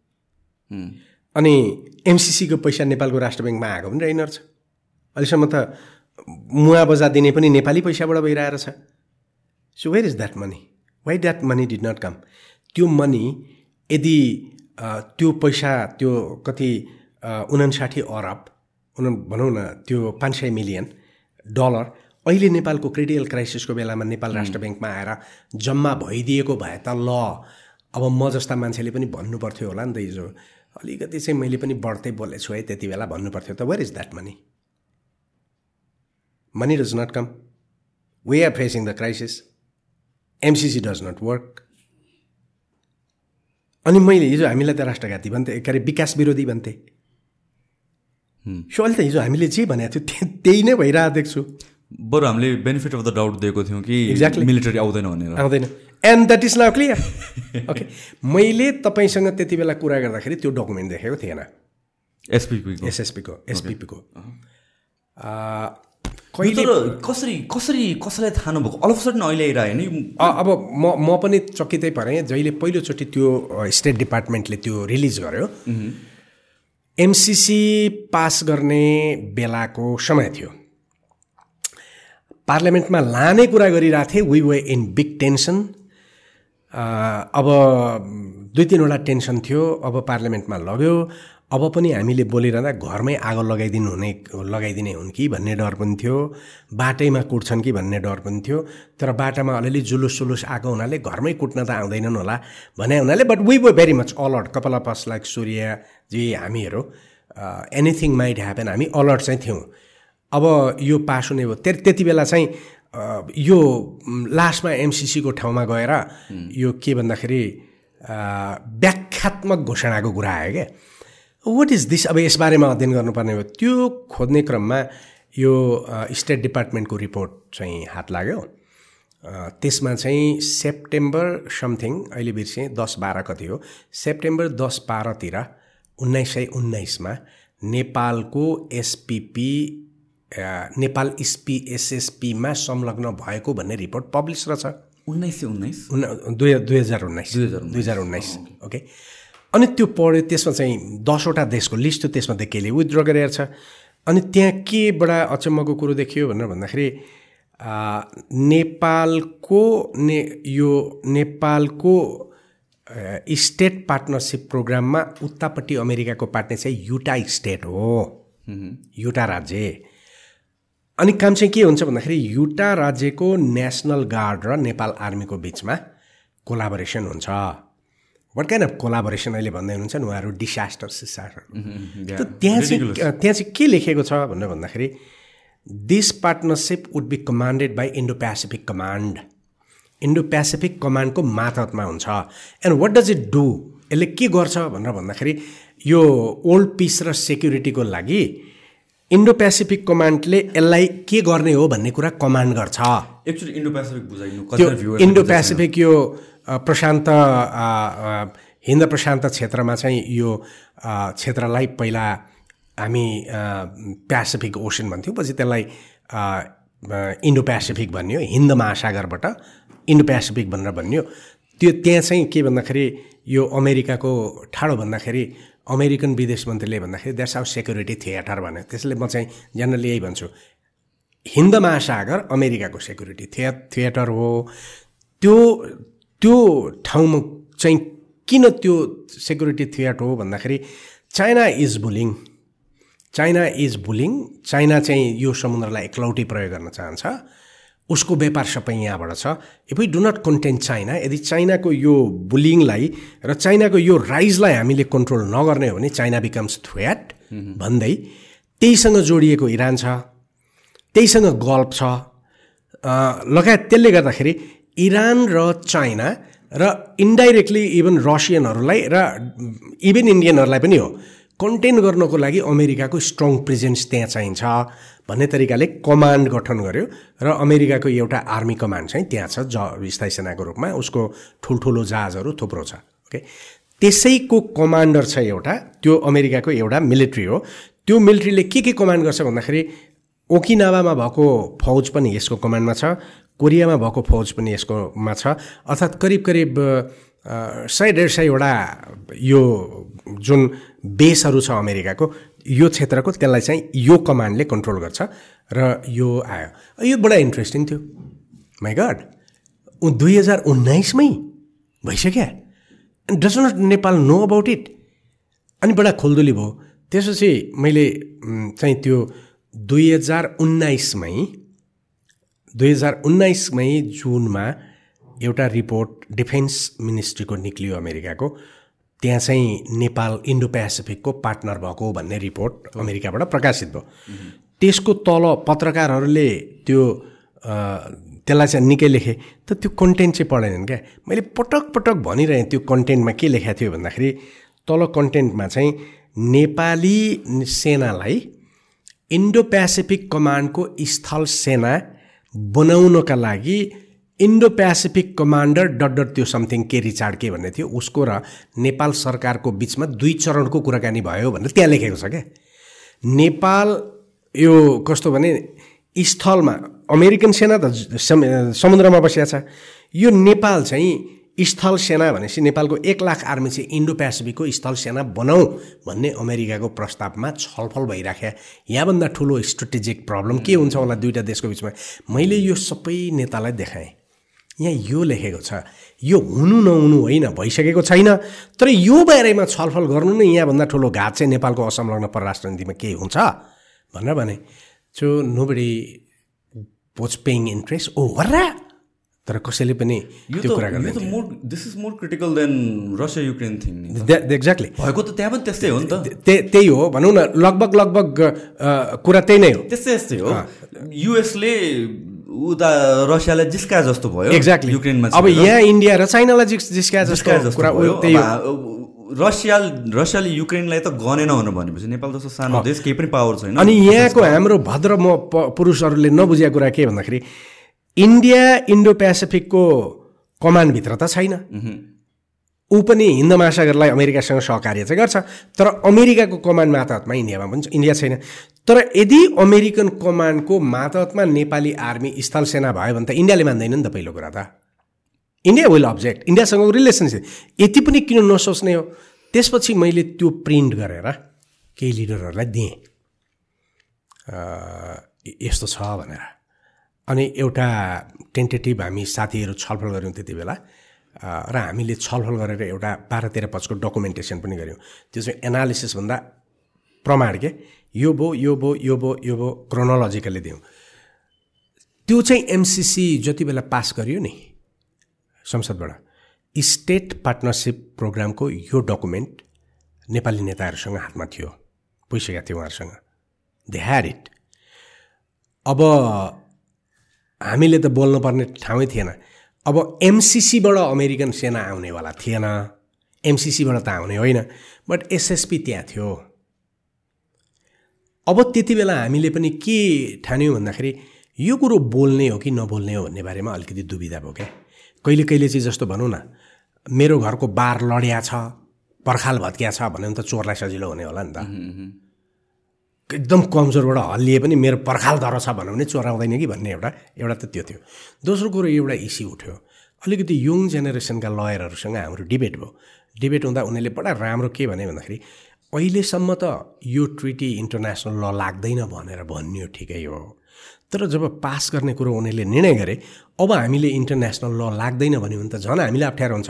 अब त हामीले इन्टरनेसनल ल चाहिँ लगाएर यसलाई विरोध गर्नुपर्छ भन्ने उनीहरूको भनाइ थियो। सो हामीले अलिकति स्ट्राटेजी चेन्ज गऱ्यौँ र त्यति बेला हामीले एसपिपीको बारेमा कुरा गरेनौँ। अब अल अफ सडन पछिल्लो समय चाहिँ एसपिपीको पत्र जब आयो आइसकेपछि त सबै छर्लङ्ग हो। अनि मैले म मैले चाहिँ त्यो एउटा एकदम भल्गर एक्जाम्पल दिएँ एउटा टेलिभिजनमा बोलाएको थिएँ मैले के भने एकदम भल्गरै छ। कस्तो भल्गर भन्दाखेरि पण्डितको बुहारीले चाहिँ ससुरालाई मुख देखाउनु नहुने रहेछ मुख छोप्नु पर्ने रहेछ। अनि एक दिन पानी लिएर आउँदै रहेछ बाटामा। पण्डित ससुरा बाटोमा गएछ मुख देखाउनु भएन पानी बोकेको छ अब के छोप्ने मुख भन्दाखेरि साडी तानेर मुख छोप्दाखेरि मुख चाहिँ छोप्यो अर्थकै देखियो। उहाँहरूको त्यही भयो। अनि अहिले के भन्नुभयो उहाँहरूले भन्दाखेरि हामी यो स्वीकार नगर्ने लेख्ने पत्र लेख्ने भन्नु। प्रश्न उहाँहरूले स्वीकार गर्ने हो कि होइन अहिले भन्ने कुरामा दुई हजार उन्नाइसमा त्यो रिपोर्ट निकाल्दाखेरि अमेरिकाले नेपालको स्वीकृति नै नलिकने निकालेको हो भने त उहाँहरूले स्वीकार नगरेको कुराले ठिकै होला पत्र नलेखेको कारणले। तर दुई हजार उन्नाइसमा जुन त्यो रिपोर्ट स्टेट डिपार्टमेन्टमा पब्लिस भयो नेपाल युटा राज्यको नेसनल गार्डसम्म हुन्छ भन्ने कुरा लेख्यो। यदि त्यो त्यति बेलै स्वीकार भएको हो भनेदेखि त उहाँहरूले पत्र पठाउनु नपठाउनुको कुनै अर्थ भएर त्यसैले यो अस्ति एमसिसीका ठुल्ठुला विकासविदहरूले जवाब दिनुपर्ने होला अब यो चाहिँ होइन? जसरी एमसिसीको बेलामा डिभिजन थियो नि कतिजनाले चाहिँ प्रो एमसिसी थियो कतिजना अगेन्स्ट एमसिसी थियो। एसपिपीको पनि प्रोहरू छ मान्छे? अब बोलेको देखिँदैन। उहाँहरू बोल्ने बाटो पनि छैन। एमसिसीको बारेमा त वास्तवमा त्यति बेला हामीले पटक पटक हाम्रो चाहिँ तर्फबाट भनिएको एउटा कुरो के थियो भने नेसनको इन्टलेक्चुअलहरू डिभाइड हुनु हुँदैन। लेट्स सेट टुगेदर हाम्रो मेन अब्जेक्सन के थियो भने अमेरिकन पोलिसी र ल यो परिजनामा लाग्छ भन्ने कुरा एक्सेप्टेबल हुँदैन। पर्पिचुअल सक्सेसनको कुरो र कपिराइट सधैँभरि हाम्रो परियोजना बनिसकेपछि पनि अमेरिकाको चाहिँ यसमा कन्ट्रोल हुँदैन। यो कुरो पर्पिचुअल सक्सेसनको कुरो पनि हुँदैन। थर्ड हाम्रो देशको लभन्दा माथि एग्रिमेन्ट हुनु हुँदैन। यो तिनवटा चिजमा हामी एग्री गरौँ। बाँकी अमेरिकाको प्रोजेक्ट र पैसा ल्याउने कुरामा हाम्रो आपत्ति छैन भन्ने भर्सन। हामी भनिरह्यौँ भनिरह्यौँ। तर हामीलाई यो भर्सनमा सरकारका मान्छेहरूले कहिल्यै बसेर छलफल गर्न पनि दिएनन् डाक्दा पनि डाकेनन्। सरकारका मान्छे मात्रै होइन यो ल्याउन लागेका जुन सो कल बुद्धिजीवीहरू थिए नि उनीहरूसम्म हामीसँग बसेर छलफल गर्न तयार भएनन्। किनभने हाम्रो तर्कलाई खण्डन गर्न सक्ने क्षमता थिएन उहाँहरूसँग नो हामीहरू त अस्तिको डिस्कसनमा वेआर भेरी क्लियर नि त we are not against MCC points loopholes जुन छ त्यसलाई चाहिँ बन्द गर्नु त्यसलाई बन्द गर्नुपर्छ भन्ने खालको। तर यो कुरा लगातार मिसइन्टरप्रेट भइयो कि? हाम्रो पडकास्टपछि एउटा आर्टिकल लेखिएको थियो। तपाईँलाई थाहा छ मलाई रिसेन्टली अस्ति ठुलै पपुलर भएको रहेछ त। मलाई थाहा नै थिएन। तपाईँको एकजना एकजना समथिङ पनि मिसइन्टरप्रेट नै भएको रहेछ एउटा एउटा समथिङ डक्टर एमबहादुर छेत्री कि के भन्ने समथिङले त्यो त्यो उसले लेखेको थियो। उसले चाहिँ के भन्दाखेरि युवराज सङ्ग्रौलाले दुनियाँलाई ढाँटिराखेको छ। एमसिसी आयो भने देश चाहिँ एकदम लह लह हुन्छ भनेर उसले एउटा आर्टिकल लेखेर त्यो article very clear about it त्यो त हुँदैन यति धेरै मान्छेलाई सर्कुलेट गरे अनि त्यसैले धेरै साथीहरूले चाहिँ यसलाई खण्डन गर्नु पऱ्यो यसलाई खण्डन गर्नु पऱ्यो भन्ने खालको कुरो गरे अनि पछि केही साथीहरूले होइन उहाँ त उहाँको दाजु त ने नेकपा माओवादीको ठुलो नेता हो पनि भन्थे अब को हो म चिन्दिनँ होइन? अनि मैले यस्ता कुरा खण्डन गर्ने होइन। यस्ता कुरा इतिहासमा रेकर्डेड हुने हो। मैले जे बोलेको छु जे गरेको छु इतिहासमा रेकर्ड हुन्छ। म गलत रहेछु भने मेरो इतिहासमा भोलि जनताले मलाई गलत भन्छ। अनि त्यो भोग्न तयार हुनुपर्छ। उसले लेखेको कुरो पनि रेकर्डेड हुन्छ भोलि जनताले यिनीहरूले। त्यसैले यो दुईजनाको बिचमा बाँच्ने होइन। यो इन्टलेक्चुअलहरूले नाम काटेर कसैलाई गाली गर्नु हुँदैन। भलै उहाँले नाम काटेर गाली गर्नुभएको थियो। त्यहाँ मलाई सूर्यराज र कति उहाँलाई एकदम निम्न स्तरका मान्छे भन्ने तरिकाले प्रस्तुत गरेका थियो। यो त्यो अनि मैले साथीहरूले भने मैले भने यो तरिकाको लेख्ने मान्छेको इन्टलेक्चुअलिटी मै क्वेसन हुन्छ। त्यस कारण यस्ता मान्छेले बोलेको कुरा खण्डन हुनु हुँदैन। अनि एउटा पत्रिकाले चाहिँ अत्यधिक अति नै ज्यादा गरेर अनि मैले भनेको थिएँ हेर्नुहोस् रछ्यान खन्न जानु हुँदैन। रछ्यान खन्यो भने आफ्नै मुखमा छिटा पर्छ। भनेर भने हुनाले म यस्ता मान्छेको बारेमा कुरा गर्दिनँ भनेर मैले त्यही भने। अब अहिले स्थिति चाहिँ कहाँ पुग्यो भनेर भन्दाखेरि उहाँहरू अहिले चुपचाप हुनुहुन्छ। म कहाँ देखिरहेको छु र मैले लेखेँ र त्यति बेला बोलेँ पनि भन्दाखेरि श्रीलङ्कामा पहिला के भयो भन्दाखेरि यो अमेरिकन अधिकारीहरू र अमेरिकन नागरिक र अमेरिकी सेनाको मान्छेहरू श्रीलङ्कामा आउँदा एउटा सर्ट एन्ड आवरको लागि उनीहरूले भिसा लिन नपर्ने कस्टम डिक्लेयर नगरिकन सिधै श्रीलङ्काभित्र पस्न पाउने भन्ने एग्रिमेन्ट भयो। यो पोलिटिकल एग्रिमेन्ट भयो। त्यसमा चिनियाहरूको पनि अब्जेक्सन भएन किन हो त्यति बेला। त्यसपछि उनीहरूले एमसिसीको ल्याए। एमसिसीको एग्रिमेन्ट पनि त्यही तरिकाले अगाडि गइरहेको थियो अब्जेक्सन थिएन। लगभग लगभग श्रीलङ्काले एमसिसी कार्यान्वयनतिरै लगिसकेको थियो। तर त्यही बेला के भयो भनेर भन्दाखेरि एउटा अहिले मैले ठ्याक्कै नाम बिर्सेँ साफा वा सफ्ठा यस्तै केही भन्ने एउटा अर्को एग्रिमेन्ट प्रस्तावित गर्यो अमेरिकाले। त्यसमा चाहिँ के थियो भने कुनै पनि बेला अमेरिकन सेना अमेरिकन अधिकारी अमेरिकन नागरिकहरू श्रीलङ्कामा आएर श्रीलङ्कामा जग्गा किनबेच गर्ने घर बनाउने अधिकार हुनेछ भनेर त्यो एग्रिमेन्ट आयो। अब तिनवटा भयो नि त्यसो गर्दा। पहिला सेक्युरिटी एग्रिमेन्ट भयो उनीहरू पस्न पाउने भयो। दोस्रो एमसिसी आयो अनि तेस्रो उनीहरूले जग्गा पनि किन्न पाउने भइसके त अनि एउटा एउटा कर्पोरेटले चाहिँ आर्मी पो आएर नबस्ला डाइरेक्टली तर आर्मीको कन्ट्र्याक्टर त आएर त्यहाँ जमिन किनेर अमेरिकन आर्मीलाई चाहिँ हतियार सप्लाई गर्ने एउटा कन्ट्र्याक्टर त बस्न पाउने भयो अमेरिकनहरू बस्न अनि जब यो एग्रिमेन्ट प्रस्तावित भयो प्रस्तावित भइसकेपछि एमसिसीमा डिबेट आयो र एमसिसीको विरोधभन्दा पनि बढी यो प्रस्तावले गर्दा अमेरि श्रीलङ्कनहरू भड्क्यो र अब देश चाहिँ सिद्धिएछ भनेर उनीहरू एमसिसीको विरोधमा पुग्यो। अब यहाँ हाम्रोमा हेरौँ न पहिला चाहिँ हाम्रोमा पनि यो इमिग्रेसन ल चेन्ज भयो। इमिग्रे इमिग्रेसन ल चेन्ज भएर अरूले बाहिरबाट आउने कुनै अर्को नागरिकले तिन महिना भिसा पाउँछ भने अमेरिकनहरूले अलग्गै भिसा पाउने उनीहरूको लागि अलग्गै व्यवस्था भयो। अहिले भइसक्यो भइसक्यो। त्यो त एमसिसीभन्दा धेरै अगाडि। एमसिसी पछि चाइनिजहरूलाई चाहिँ पेल्याछ भनेर सुनेको थिएँ मैले हो। के छ? रिगार्डिङ भिजा अनि त्यसपछि त्यस्तो मैले डाइरेक्टली उनीहरूसँग कसैसँग मेरो त्यस्तो भेटघाट भएर अब कुनै त्यस्तो सुनेको चाहिँ छैन। त्यसपछि यो भिसाको प्रोसेस चेन्ज भयो। त्यसपछि एमसिसी भयो। एमसिसीसँग एसएसपी आयो। यो बारेमा ल बोल्न लजाउनु पर्ने कुनै कुरै होइन किनभने द्याट्स अमेरिकन इन्ट्रेस्ट उसको इन्ट्रेस्ट हो। लागु गर्छ। प्रश्न उसको इन्ट्रेस्टमा हामी ट्र्यापमा पस्ने कि नपस्ने भन्ने खालको कुराकानी हो। अब अहिले पछिल्लो समय चाहिँ जस्तो भनौँ न यो पोखराको एयरपोर्ट लगभग लगभग स्ट्यागनेटै छ। तर अहिलेसम्म चिनियाहरूले गरेको सबैभन्दा फास्ट काम र सबैभन्दा राम्रो काम भन्छन्। फाइनेस्ट एयरपोर्ट बनेको छ। अब त्यो अलिकति रनवे गर्ने बित्तिकै त्यहाँबाट चाहिँ मजासँगले। तर अब कता कता सुन्छु गभर्मेन्ट चाहिँ यो एयरपोर्ट लन्च गर्ने पक्षमा छैन। बिकज मोदी अब्जेक्टले अब्जेक्ट गरेकोले? खोइ थाहा छैन। अब त्यसलाई कसरी रोक्नु? अब बनिसक्यो। अब त्यसमा चाहिँ त्यो एग्रिमेन्ट मैले चिनियाहरूसँग भएको एग्रिमेन्ट हेरेको थिएँ।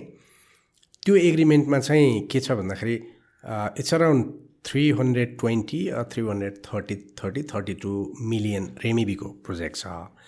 त्यसमध्ये around fifty two fifty five percent चाहिँ डाइरेक्टली चिनियाहरूको एड हो। अनि बाँकी चाहिँ लोन हो। त्यो लोनमा सोह्र वर्ष कि बिस वर्ष ब्याज नलाग्ने छ द सिक्सटिन इयर्स चाहिँ ब्याज लाग्दैन। त्यो सोह्र वर्षभित्र चाहिँ लोन नतिरेको खण्डमा चाहिँ टु पोइन्ट सेभेन पर्सेन्टको त्यहाँ राखेको छ। तर टोटल डकुमेन्ट हेर्दा के देखिन्छ भन्दाखेरि त्यो त्यो पैसा चाहिँ यिनीहरूले सित्तै नदिएको के भने यो दुइटै दियो भने यिनीहरूले केही गर्छन् कि भनेर लोनको रूपमा झुन्ड्याएको पछि त्यो मिना गर्नुपर्छ भन्ने खालको स्थिति देखिन्छ। त्यहाँ के लेखिएको छ भने यो बिआरआई अन्तर्गतको प्रोजेक्ट हो भनेर लेखिएको छ त्यो एग्रिमेन्टमा त्यो पोखराको एग्रिमेन्टमा बिआरआईको एग्रिमेन्टमा यिनीहरूले चाहिँ डे ट्र्यापको कुरा गर्छन् यिनी गरेर गर्छन्। त्यो चाहिँ वास्तवमा कुनै पनि नेपाली लिडरले पढेको छैन। त्यसलाई मैले रिपिटेडली पढेको छु र मैले चाहिँ लेखेको त्यो साउथ एसिया चाइना जियो इकोनोमिक्समा मैले त्यो चिन र भारतसँग भएका एग्रिमेन्टहरूको एउटा अलग्गै च्याप्टरमा एनालिसिस गरेको छु कि। जस्तो चिनसँग भएको ट्रान्जिट ट्रिटी चाहिँ पहिलो ट्रिटी हो जसले नेपालको चिनबाट ट्रान्जिट गर्न पाउने अधिकार इन्टरनेसनल लको सी कन्भेन्सनले दिएको हो भनेर ऐनमा एग्रिमेन्टमा लेखिएको छ। जबकि भारतसँगको हाम्रो ट्रान्जिट ट्रिटी चाहिँ बायोलेट्रल हो इन्टरनेसनल लको होइन। चिनियाले त्यो स्वीकार गर्यो। त्यो बिआरआईको एग्रिमेन्टमा के भनेको छ भन्दाखेरि लगानीमा लगानीमा चाहिँ सेयर हुन्छ। लगानी सेयर गर्दाखेरि त्यहाँ के लेखेको छ भन्दाखेरि जस्तो हाइड्रो इलेक्ट्रिसिटी बनाउने नेपालले नेपालको नेचुरल रिसोर्सको प्राइसिङ हुन्छ। जस्तो हाइड्रो इलेक्ट्रिसिटी बनाउने भयो भने त्यो पानी कति प्रयोग हुने हो कति बिजुली उत्पादन हुने हो पानीको क्यालकुलेट गरेर त्यो चाहिँ नेपालको लगानी हुन्छ। मानिलिउँ एक अरबको प्रोजेक्ट रहेछ हाम्रो तिस करोडको पानी भयो। त्यो हाम्रो लगानी भयो एक अरब चिनियाको लगानी भयो। त्यसले वरिपरि पारेको जुन इम्प्याक्ट हो नि त्यो इन्भाइरोमेन्टको त्यो इन इम्प्याक्टको इन्भाइरोमेन्टको इम्प्याक्टको पनि एसेसमेन्ट हुन्छ। त्यसलाई पनि प्राइसिङ गरेपछि त्यो पनि नेपालको लगानी हुन्छ। र अर्को चाहिँ के भन्दाखेरि त्यसको निर्माणमा इन्भल्भ भएको जुन ह्युमन रिसोर्स हो त्यो ह्युमन रिसोर्स चाहिँ जस्तो हाम्रो इन्जिनियर प्रयोग भयो हाम्रो इन्जिनियरको दिमाग प्रयोग भयो नि। हाम्रो मान्छेहरू प्रयोग भयो हाम्रो वर्कर्सहरू प्रयोग भयो। जति पनि हाम्रो टेक्नोलोजी ह्युमन रिसोर्स हाम्रो लेबर प्रयोग हुन्छ त्यसको पनि कस्टिङ हुन्छ। त्यो निर्माणमा उसलाई लेबरको लेबरको तलब त उसले दिने भयो। तर उसको इन्भल्भमेन्ट एज ए नेपाली नागरिकको रूपमा इन्भल्भमेन्ट भएको पनि कस्टिङ हुँदाखेरि हुनसक्छ त्यो तिन चिज कस्टिङ गर्दा हाम्रो साठी करोड भयो उसको एक अरब भयो। त्यो प्रोडक्टबाट त्यसको उत्पादन भइसकेपछिको जुन प्रफिट हो त्यो प्रफिट चाहिँ उसले हामीले साठी प्रतिशत पायौँ। त्यो रेसियो आयो। अनि त्यहाँ डेट ट्र्याप डेट ट्र्यापको कन्सेप्टै होइन एक दोस्रो कुरो बिआरआईको एग्रिमेन्ट एग्रिमेन्टै होइन। यो मेमोरेन्डम हो। यसरी जाने है भन्ने प्रिन्सिपल मात्रै गरेको हो। किनभने बिआरआई अन्तर्गत आउने प्रोजेक्टको चाहिँ अलग्गै एग्रिमेन्ट हुन्छ। हामीलाई मन परे गर्छौँ मन नपरे गर्दैनौँ। हामीलाई फाइदा हुने भए गर्छौँ फाइदा नहुने गर्दैनौँ। यो चाहिँ कस्तो भन्दाखेरि त्यो चाहिँ मूल रूपमा एउटा मेमोरेन्डम हो जसको जसको कुनै लिगल लेजिटिमेसी चाहिँ हुँदैन। एमओयुकै बराबर मात्र एमओयुकै बराबर मात्रै। भनेकै एमओ म मेमोरेन्डम अफ अन्डरस्ट्यान्डिङ अनि बिआरआई बिटो नेपाल एन्ड चाइना भनेको छ। एमओई नै भनेको छ। एन्ड दे आ उनीहरूले यसलाई कसरी भ्यालुनिङ गरेर बाहिर ल्यायो भन्दाखेरि बाफ्रे चिनले त के ल्याएको रहेछ भन्ने भयो। सो नाउ दे अन्डरस्ट्यान्ड सुरुमा उनीहरूले गरेनन् तर चिनियाहरूको एटिच्युड चाहिँ चिनियाहरूको डिप्लोमेसीमा यिनीहरूको उति बेला उन्नाइस सय उन्नाइस उन्नाइस सय उन्चासभन्दा अगाडि च्याङ्काइसक्का पालादेखि अब श्रुड डिप्लोमेसी उनीहरू बोल्दैनन्। जस्तो यो मान्छे त्यहाँको चाहिँ इन्टरनेसनल रिलेसन डिपार्टमेन्टको डाइरेक्टर आएर यहाँका पोलिटिकल पार्टीसँग चार घन्टा पाँच घन्टा कुरा गर्नु नै वार्निङ हो। अस्ति फरेन मिनिस्टर बिना ऊ उसमा आउनु नै हो। उहाँहरूले कसरी बुझ्नु भएको छ मलाई थाहा छैन। अस्ति दुई हप्ता तिन हप्ता अगाडि चाहिँ यो नेपालका लगभग सबै जसो रिटायर्ड सचिवहरू परराष्ट्र सचिवहरू जेनरलहरू मुख्य सचिवहरू लगायत करिब साठी सत्तरीजनाको चाहिँ एउटा सेमिनार भएको थियो। करिब चार घन्टाको त्यो सेमिनारमा चाहिँ पिपलहरूले अधिकांश उहाँहरूको भनाइ के थियो भने ओभरहेल्मिङ कन्सर्न थियो क्या we are doing something very bad र यो कुरामा कुनै पोलिटिकल पार्टीभित्र डिस्कसन भएको छैन हुँदैन। र we very few people we have been talking about र अब अहिले हेर्दाखेरि चाहिँ हामीसँग तिनवटा प्रब्लम छन्। एकदम स्टार्टले एक चाइना र इन्डियासँगको ब्रोकन रिलेसन किनभने हाम्रो असंलग्न परराष्ट्र नीति भर्क्यो। एसपिपी प्लस एमसिसीले क्रिएट गर्ने इम्प्याक्ट अनि त्यसपछि यदि यही तरिकाको सतर्कता नअपनाउने र नेपालमा प्रोडक्सनको एउटा ठुलो अभियान अहिले थालेर देशभरि हरेक किसिमको प्रोडक्सनमा सम्पूर्ण नागरिकलाई स्टेटले आह्वान गरेर हामीको पनि स्थिति श्रीलङ्काको जस्तो आउन सक्छ। त्यसैले let's start preparing our self र हामी तिन वर्ष चार वर्षलाई पुग्ने हाम्रो उत्पादनमा जाउँ। काहीँ नछोडौँ सबै जमिनहरूमा रोपौँ उत्पादन गरौँ भन्ने एउटा अभियान लगेर यो आफ्टर सम टाइम श्रीलङ्काको जस्तो आउन सक्ने जुन खतरा हो यो तिन खतरालाई ब्यालेन्स गर्न यदि पोलिटिकल पार्टीहरूले सकेनन् भने देश country will come into crisis त्यो उहाँहरूले डेलिभर गर्न सक्नुहुन्छ मलाई लाग्दैन। त्यो कहाँबाट पनि लाग्दैन भन्दाखेरि यता चिनिया मन्त्रीसँग चिनिया डाइरेक्टरसँग पाँच घन्टा कुरा गर्नुहुन्छ भोलिपल्ट इन्डिया पुग्नुहुन्छ उहाँहरू। So what is this kind of balance is a very rough balance यो इन्टलेक्चुअलहरूले देशमा डिबेट चलाउन सकेन र नागरिकहरूलाई सचेत गर्न सकेन भने we are going to face three dangerous problem मलाई त्यो लाग्छ। हाम्रो इकोनोमीको कुरा गर्दाखेरि इकोनोमिक डेभलपमेन्टको कुरा गर्दाखेरि one of the prime example अघि पनि हामीले कुरा गरेर चाइनाको लिन सक्छौँ होइन। मैले बच्चादेखि सुनिरहेको हो मेरो बुवाले भनिराख्नुहुन्थ्यो कि चाइना भनेको यस्तो दरिद्र टाइपको एउटा देश थियो। All of sudden everything lockdown गऱ्यो एभ्रिथिङ आउटसाइड वर्ल्डबाट डिस्कनेक्ट गर्यो एकैचोटि सुपर पावरबाट निस्क्यो। एक्ज्याक्टली त्यो ट्रान्जेक्सन कसरी भएको? के हो? के त्यो एउटा त उनीहरूको के भन्दाखेरि नाइन्टी फोर्टी नाइनमा सात प्रतिशत बाहेकको पपुलेसन। ओन्ली सात प्रतिशतभन्दा बाहेकको पपुलेसनले सात प्रतिशत प्रतिशत बाहेक भन्नाले? भनौँ बाँकी जम्मै गरिब। सात प्रतिशत चाहिँ साङ्घाई बेजिङ ग्वाङजाउमा बसेको अलिकति धनी थियो। सात प्रतिशतभन्दा बाहेकको तिरानब्बे प्रतिशत मानिसले दुई छाक खान पाउँदैन थियो। त्यसमध्ये पनि करिब करिब एक सय बिस पच्चिस मिलियन पिपलहरू त गाईबस्तुको जस्तो घाँस खान्थ्यो। त्यो घाँसलाई काटेर केक बनाएर त्यो केक खाने हो। यति द दयनीय अवस्था थियो। त्यही कारण उनीहरूले के भन्दाखेरि चिनलाई जोगाउने हो भने हामीले उत्पादनमा जानुपर्छ। त्यसैले एउटा उनीहरूले ताचाई भन्ने एउटा ठाउँ छ। उनीहरूले दाजाई भन्छ त्यसलाई। त्यहाँ उनीहरूले एउटा मोडल फार्म बनाए।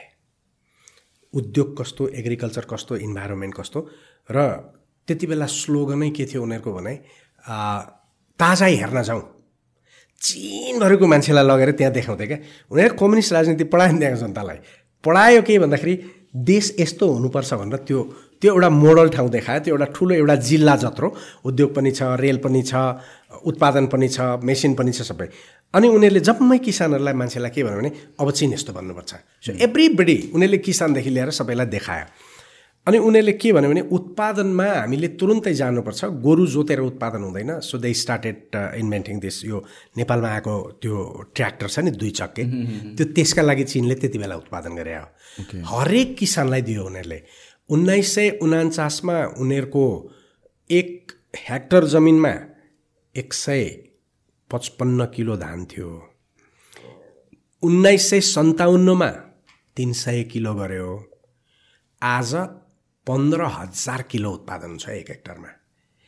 पुरै मेकानाइज गरेर गयो। एक किसानहरूलाई उत्पादनमा सरिक गरायो र उनीहरूको थ्योरी नै के हो भने मास प्रोडक्सन। परिवारमा एकजनाले प्रोडक्सन गर्ने भने एभ्रिबडी सुड प्रड्युस। बच्चाले पनि प्रोडक्सन गर्न सक्छ। जस्तो बच्चाले भनौँ न बाह्र चौध वर्षको बच्चा बच्चीले घरमा खाना बनाइदियो भने त बाबुआमाले काम गर्नुभयो त्यो प्रोडक्सन हो नि। सो एभ्रिबडी सुड वर्क एउटा त्यो कल्चर ल्यायो। त्यसैले उनीहरूले चाहिँ के भन्दाखेरि उनीहरूको त्यो गरिबीको अवस्थालाई हेर्दा यत्रो पपुलेसनलाई बचाइएन भने चिन मर्छ। तर त्यसको पछाडि उनीहरूको मेन कारण चिनको सिभिलाइजेसन वी द चिनिया पिपल भन्ने जुन थियो नि त्यसकारण चिन मर्छ। भन्ने क्वेसनबाट चिनीहरूलाई प्रेरित गर्यो र उनीहरू एकदमै आयो अब पछि अठहत्तर पछाडि त उनीहरूसँग बेसिक ठुल्ठुलो इन्डस्ट्रीहरू थियो देशभरि इन्डस्ट्रीहरू सुरु भएको थियो। उनीहरूले ओपन अप गर्दाखेरि उनीहरूलाई नोक्सानी केही पनि थिएन किनभने उनीहरूसँग आफ्नो इन्डस्ट्री थियो उनीहरूलाई चाहिएको के थियो भनेर भन्दाखेरि नयाँ टेक्नोलोजी चाहिएको थियो। So old technology came and they revive the industry एउटा मात्रै इक्जाम्पल छ। त्यो इक्जाम्पल के हो भन्दाखेरि गाउँमा कोदाला र हलोहरू बनाउने एउटा सानो इन्डस्ट्री थियो एकजना मान्छेको। उसले दस पन्ध्र वर्षमा यति विकास गर्यो कि अहिले संसारमा एग्रिकल्चर टुल्स प्रमा एक्सपोर्ट गर्ने संसारका दस बिसवटा ठुलो मध्येको कम्पनी हो। एउटा एउटा विश्वकर्माले चलाएको भनौँ न हाम्रो भाषामा। So that's how they work उनीहरूले के गर्यो भन्दाखेरि पुँजीभित्र ल्यायो खाद्यान्नमा सेल्फ सफिसियन्ट भयो कटनमा सेल्फ सफिसियन्ट भयो। उनीहरूका बेसिक निड्सहरू बाहिरबाट ल्याउने कुरामा उनीहरू सेल्फ सफिसियन्ट भयो। अनि उनीहरूले अरू कुरा चाहिँ अरूसँग ट्रेड गर्यो उनीहरूले चामल त कहीँबाट पनि किन्दैन नि। उनीहरूले तेल कहीँबाट पनि किन्दैन नि। सो नेपालले फलो गर्नुपर्ने पनि उपाय के थियो भने खाद्यान्नदेखि हामीले कपडा जुत्ता लगायतको हाम्रो बेसिक निड्स नेपालमा हामीले सेल्फ सफिसियन्सीमा जाने हो भने हाम्रो ट्रेडमा सात खरब आठ खरबको घटाउन सक्छौँ हामीले। त्यो इम्पोर्ट रिप्लेस गर्न सक्छौँ। त्यो हुने बित्तिकै त हामी त तिन हजार पैँतिस सय डलरमा पुग्छौँ त आफै। अनि त्यही एग्रिकल्चरलाई मेकानाइज गर्दै हामीले चाहिँ इन्डस्ट्रियलाइजेसन सेकेन्ड फेजमा गर्ने हो भने हुन्थ्यो। त्यो यो कुरो यिनीहरूले नजानेको होला र। जानेको छ? नाउ यसमा सबभन्दा one of the important critical part के आउँछ भने लिडरसिपको आउँछ होइन? जुन चाहिँ अब जस्तो कि चाइनामा can you call it communism नै? किनभने क्यापिटलिजमको पनि मिक्स छ नि त न उनीहरूको एउटा एउटा कुरा त मान्छेले उनीहरूले हामी मार्क्सवाद लेनिनवाद भन्छौँ चाइनिज चाइनिज विशेषताको समाजवाद भन्छन् उनीहरू। मैले चिनिया हिस्ट्रीलाई एकदम डिपली अध्ययन गर्दाखेरि चिनको हर पक्षको सबै इतिहासहरू मैले राम्रैसँग पढ्दाखेरि मासुतुङले क्रान्ति सुन्जुको आर्ट अफ वारबाट गर्यो। सो टोटल सोर्स त्यही हो। चिनको art of war art most I mean यति पढेको थियो माउ सेतुङले तपाईँको के भन्दाखेरि सिम्पल आर्ट अफ वारको एउटा कुराले गर्दा माउ सेतुङले आफ्नो सेना बचायो कसरी भन्दा भन्दाखेरि आपत पर्यो भने एकदम तिम्रो शत्रुले तिमीलाई घेर्यो भने never run to the south run to the north भनेको थियो। सुन्जुको भनाइ नै के थियो भनेर भन्दाखेरि युद्धमा तिमीले हार्ने स्थिति आयो भने तिमी नर्थतिर जानु। किन नर्थमा के छ? माथि विकट अवस्था छ माथि आक्रमण गर्न बचसै सजिलो छ। साउथ राम्रो थियो हुनान भयो ग्वाङदोङ भयो होबे भयो यो त प्लेन एरिया भयो नि त सेन्ट्रल प्लेन। तिमीले भाग्ने भने नर्थतिर हो एउटा। दोस्रो कुरो सुन्जुले के भन्छ इन्ट्रेस्टिङली भन्दाखेरि उनीहरू प्रिपेयर नभएको बेला आक्रमण गर। उनीहरूले थकाइ मारेको बेला आक्रमण गर। जब उनीहरू सक्रिय हुन्छ तिमी लुका so that was the guerrilla war Mao Tse Mao Tse Tung never learn anything from यो उसमा एक। दोस्रो कुरो माछेतुङले सिकेको कुरो कहाँबाट भन्दाखेरि थ्री यो रोमान्स अफ थ्री किङडम्स भन्छ खास गरी तेस्रो शताब्दीतिर। चिन हान वंश पछाडि फेरि डिभाइडेड भएर तिनवटा राज्यमा विभाजित भयो। एउटा ऊ एउटा वेई एउटा सु। सु राज्य अहिलेको यो सिचुवान र युनान हो। ऊ भनेको ग्वाङदोङ हुनान होबै ठुलो थियो समुद्रको छेउतिर थियो। उही भनेको बेजिङदेखि लिएर मास्तिरहेको थियो। यो बिचमा यो सुराज्य थियो। यसले बाँच्न यस्ता हरकत गर्नु पर्थ्यो नि। हाम्रो ठ्याक्कै नेपाल जस्तो। अस्ति मैले एउटा फेसबुकमा लेखाएको थिएँ त्यसैले। यदि नेपालीले नेपाली लिडरले चौधौँ शताब्दीमा यो रोमान्स अफ थ्री किङडम्स भन्ने प्रख्यात उपन्यास लेखे एउटा चिनिया कलाकारले संसारभरि ट्रान्सलेट भएको छ अहिले पढ्न पाइन्छ। त्यो पढ्यो भने मात्रै नेपालको डिप्लोमेसी बुझ्थे यिनीहरूले भनेर भने। एउटा त उसले चिनिया नलेज सिस्टमबाट त्यो गर्यो अनि उसले जस्तो भनौँ न अहिले चिनमा चाहिँ के भन्दाखेरि यो हार्मोनीको कुरो कोअपरेटिभ्सको कुरो सोसियलिजम त चिनियाहरूको कल्चर हो। सो द्याट्स वाइ उनीहरूले के भने भन्दाखेरि अब सोसियलिजम विथ चाइनिज क्यारेक्टरिस्टिक्स भनेको त्यति बेला राजा हान उदी भन्छ। इम्पेरर हान हान इम्पेरर ऊ भन्छ। उसले आइरन इन्डस्ट्री नेसनलाइज गर्यो। साल्ट नेसनलाइज गर्यो। यो कहिले भन्दाखेरि एक सय अडसट्ठी छत्तिसतिरको कुरो। बिसी एक सय छत्तिसतिरको कुरो। अनि उसले यो रक्सी उत्पादन च्याउ भन्छ चाइनिजहरूले त्यो पनि नेसनलाइज गर्यो। ने रोडहरू नेसनला नेसनलाइज गर्यो। फरेस्ट नेसनलाइज गर्यो। अनि भाइटल रिसोर्सेसहरू नेसनलाइज गर्यो। So first step of socialism त्यहाँ हो। त्यसको त्यसको पचास वर्ष पछाडि एउटा इम्पेयर बाई फ्लुक आयो किनभने हान डाइनेस्टी सिद्धियो राजा हुने मान्छे नभएपछि। त्यो रिजेन्ट जो थियो एउटा बच्चा बच्चा राजा थियो उसको रिजेन्ट थियो त्यो बच्चा पनि मऱ्यो। त्यसपछि उसैलाई राजा बनाए उसको नाम चाहिँ वाङ माङ हो। वाङ माङले औषधि अस्पताल शिक्षा सबै राज्यको उसमा लिएर आयो। उसको भनाइ नै के थियो भने धनीले गरिबलाई धुलो चटाउन नपाउन् भन्ने थ्योरी थियो। त्योभन्दा पछाडि आइसकेपछि ताङ ताङ राजाहरूको उसमा सेकेन्ड ताङ राजा चाहिँ यो सिमिन भन्छ ताइजु भन्छ। हि वाज पर्फेक्टली सोसलिस्ट उसले ट्याक्स खटा कटायो प्रडक्सन बढायो एभ्रिथिङ जनताको लागि भन्यो। कन्फ्युसियसले त तिनवटा कुरा भन्यो नि। एउटा चाहिँ रेस्पेक्ट द हेभेन आकाशलाई माथिलाई रेस्पेक्ट गर पिपुललाई माया गर पाथलाई फलो गर। द्याट्स अ थ्री थ्योरी त्यो पिपललाई माया गर भन्ने कुरादेखि उति बेला चुगो लियाङदेखि अहिलेसम्म आउँदा China had a bright socialist ground तपाईँ काठमाडौँ भ्यालीभित्र हेर्नुहोस् त। काठमाडौँ भ्यालीभित्र अहिलेको त होइन तर मल्लकाल बिग्रिएको मल्लकालभन्दा अगाडिको काठमाडौँ भ्यालीभित्र हेर्नु भने we had a perfect socialist system गार्नरीहरू थियो हाम्रो अन्न राख्ने ओके बाटो बनाउँदाखेरि जनता ल्याएर बनाउँथ्यो। अनि तपाईँको चाहिँ प्रसिद्ध कहानी त पाटनमै छ नि। त्यो राजाले चाहिँ जनताको घरमा धुवा आयो कि आएन भनेर हेरेर मात्रै भात खान जान्थ्यो भने त्यही हो न socialism. So they build on it so China did not build on what Marxism and Leninism is call so मेरो विचारमा चाइनाले आइडियोलोजी कम्युनिस्ट भन्यो तर China develop on its own history and culture. त्यसैले अमेरिकनले चाइनालाई कम्युनिस्ट ठान्छ र अथोरिटेरियन भनेर जनता भड्काएर जित्न सकिन्छ मलाई। पनि it it never made sense चाइनालाई communism communism भनेर भन्छ but at the end of the day यत्रो ठुलो इन्डस्ट्रियलाइजेसन छ वर्ल्डमा रे वान अफ द भनौँ न इकोनोमिक सुपर पावर हुन लागिसक्यो कम्युनिजमको भरमा त होइन नि त्यो सबै। उनीहरूले आफ्नै ढाँचाको आफ्नै इकोनोमी डेभलप गरिदियो exactly. सो चाइनामा उहाँहरूले जति भड्काए भने अब म युनिभर्सिटीमा दुई तिनवटा युनिभर्सिटीमा अहिले दुई वर्ष नगएको म जान्छु। एक महिना डेढ महिना पढाएर फर्किने हो भिजिटिङ प्रोफेसरको रूपमा त्यहाँको युथहरू मैले एक दिन चाहिँ भनौँ न रेनमिन युनिभर्सिटीमा एउटा इम्पोर्टेन्ट प्रोग्राममा विद्यार्थीहरूलाई कोच गर्नुपर्ने भएर म गएको थिएँ।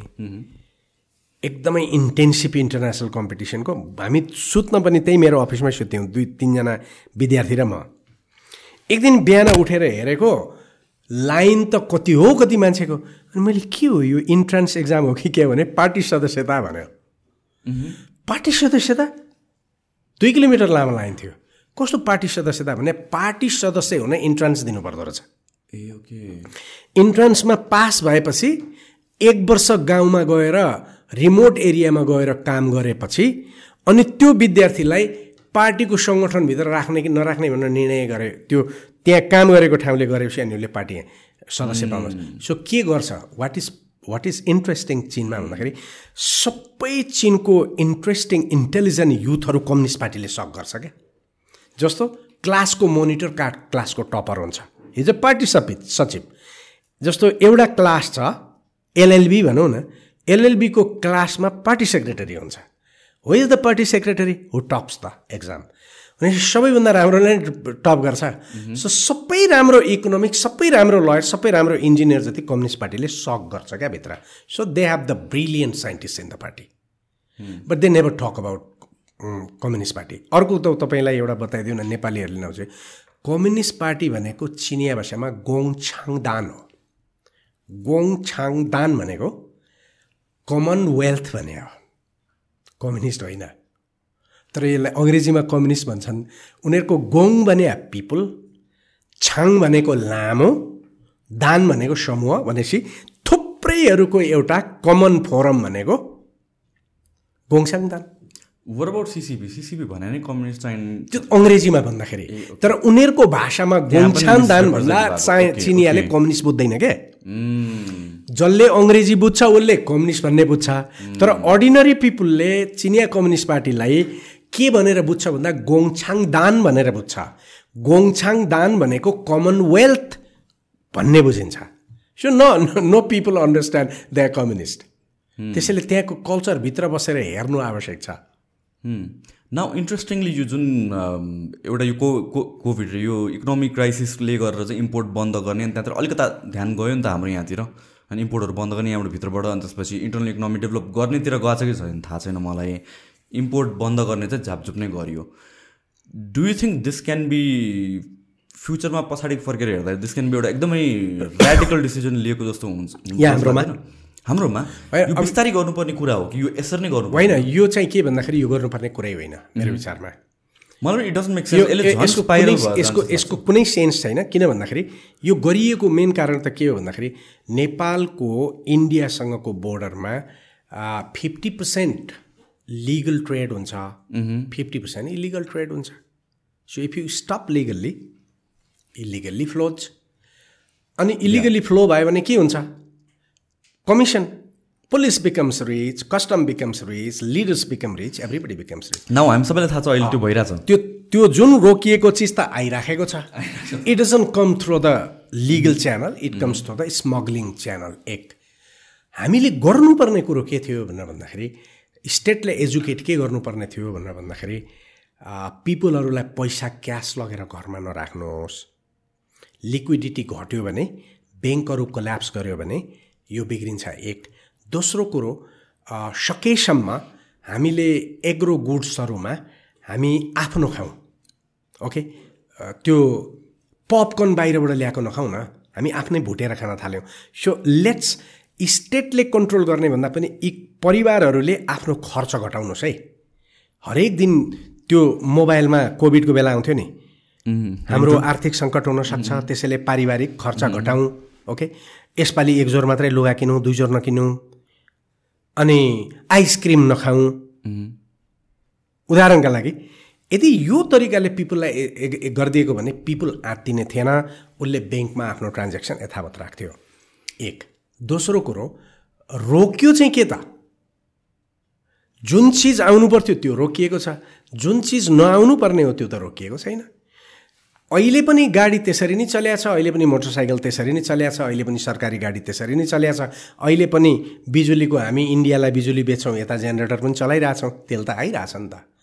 जहाँ पैसा तिर्नुपर्ने हो त्यहाँ त पैसा तिरिराखेका छौँ। रोकिएको के छ? सर्टेन मेडिसिन सर्टेन कपडा बच्चा बच्चीको जुत्ता बुढाबुढीको कपडा यस्तै नै हो रोकिएको त। So what does it make sense यसले त केही गर्दैन। हो सर्टेन सर्टेन सर्टेन मानिसहरूलाई भेरी फ्यु इन्टरप्राइजेसहरूलाई चाहिँ उताबाट त्यो रोक दिएको हुनाले उनीहरूले मिनिमम प्रोडक्सन गरेको चिजमा उनीहरूको मार्केटमा बढेको छ। केही उद्यमीहरूले बताए जस्तो अहिले चाहिँ यो इन्डियन लेज कुरकुरेहरू आउँदो रहेन रहेछ। यहाँ पनि उनीहरूले बनाएको छ।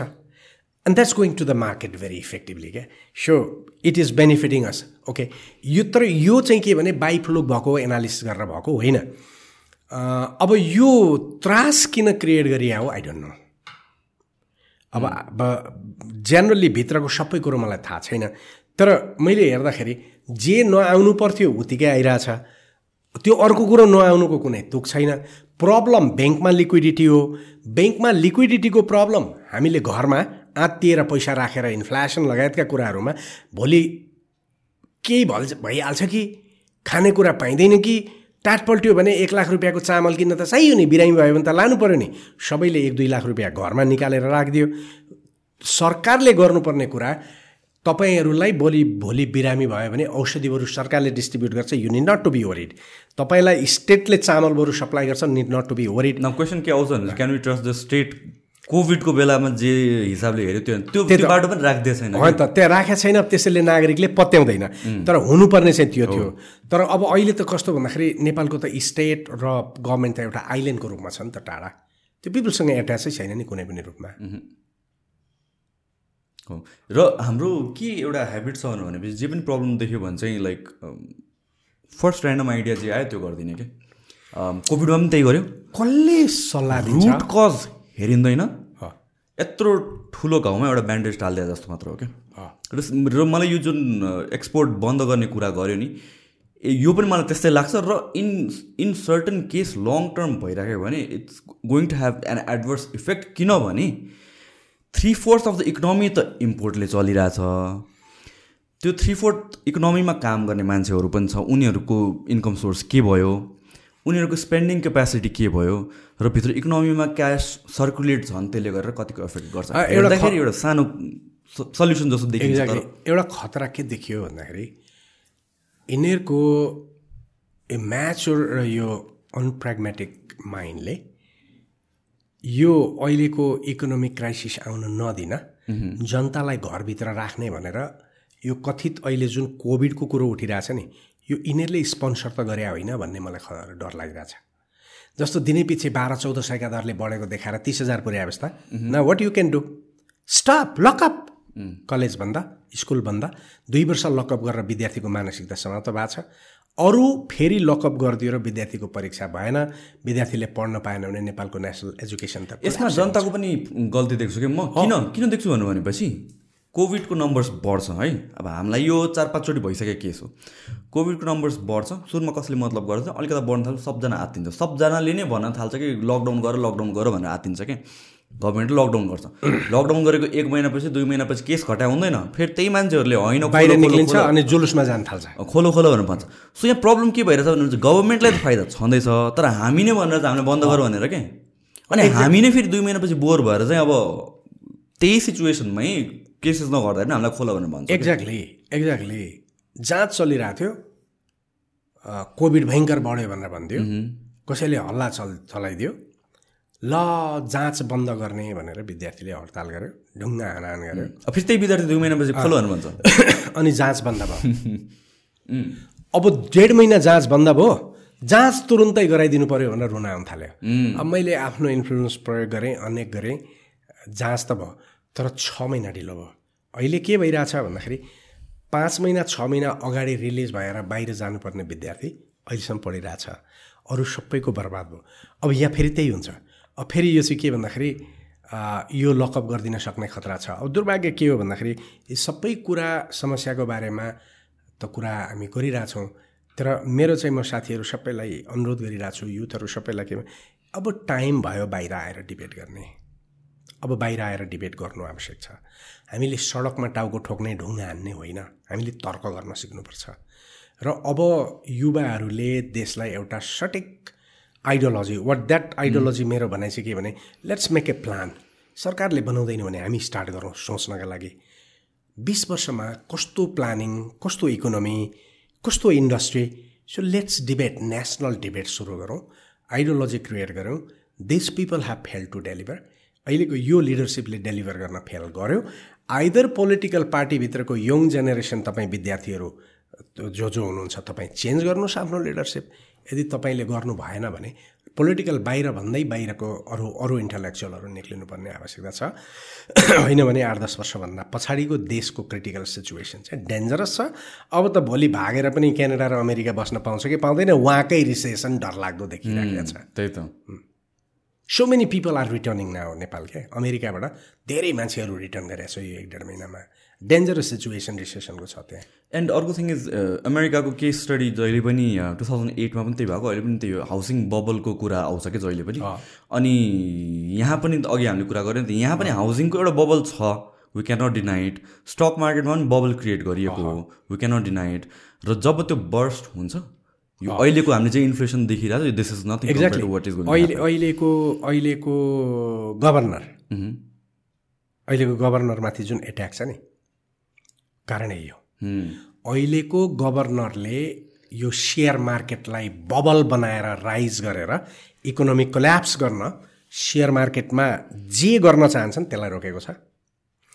उसले ट्याक्स लगायतको यो बाहिरको जुन इन्फर्मल इकोनोमी छ उसले ब्याङ्कहरूलाई कन्ट्रोल गरेका छ। ब्याङ्कहरूले एउटा मिनिमम लिक्विडिटीलाई मेन्टेन गर्नुपर्ने बाध्यता राखेको छ।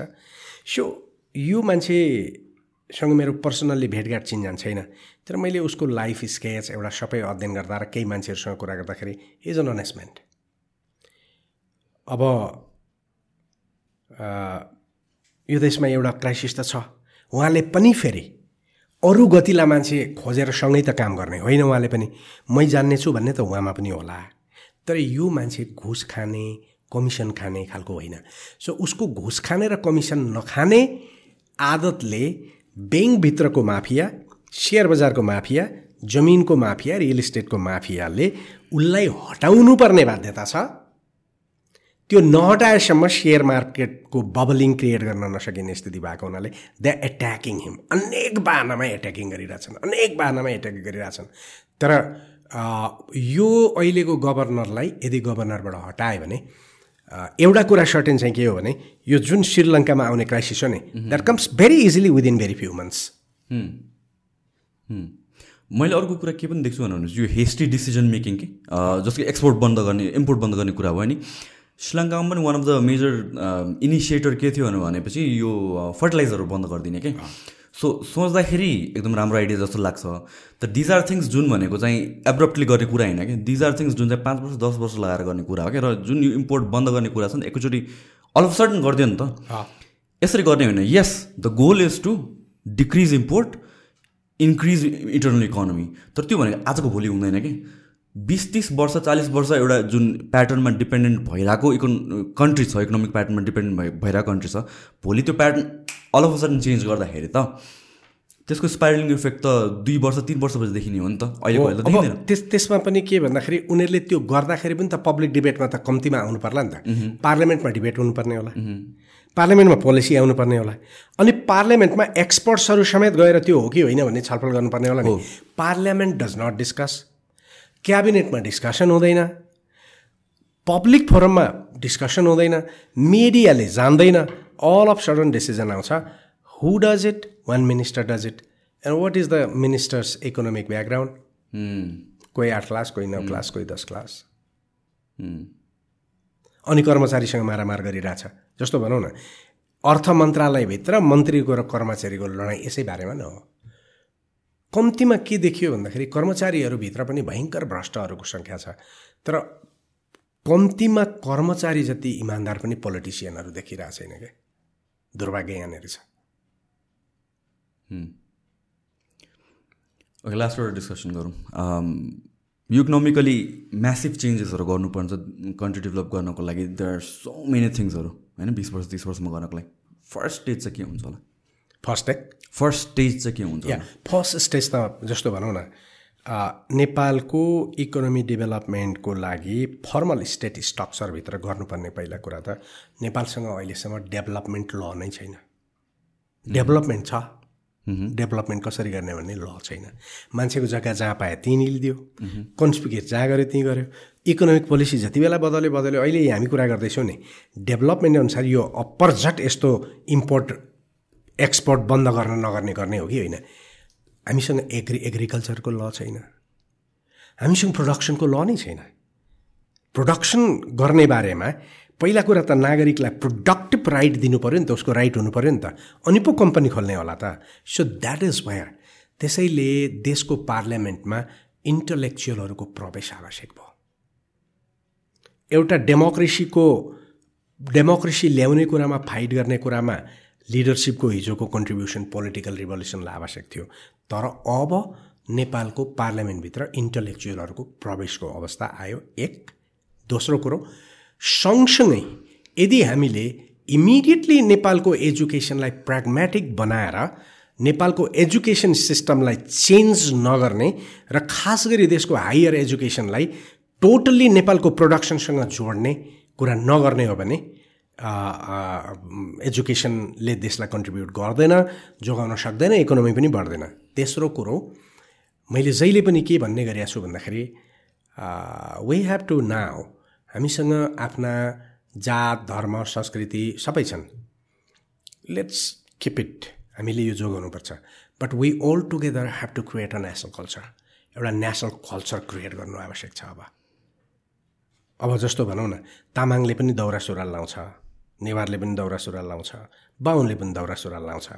So that's if that can be a culture अनि अब त्यो होइन भने अर्को के हो त? सो सम काइन्ड अफ यो नेसनल कल्चर आइडेन्टिटी एउटा एउटा साइकोलोजिकल युनिफिकेसन क्रिएट गर्नु आवश्यक छ। त्यो साइकोलोजिकल युनिफिकेसनको लागि तिन चारवटा एस्पेक्टबाट अगाडि बढ्नुपर्छ।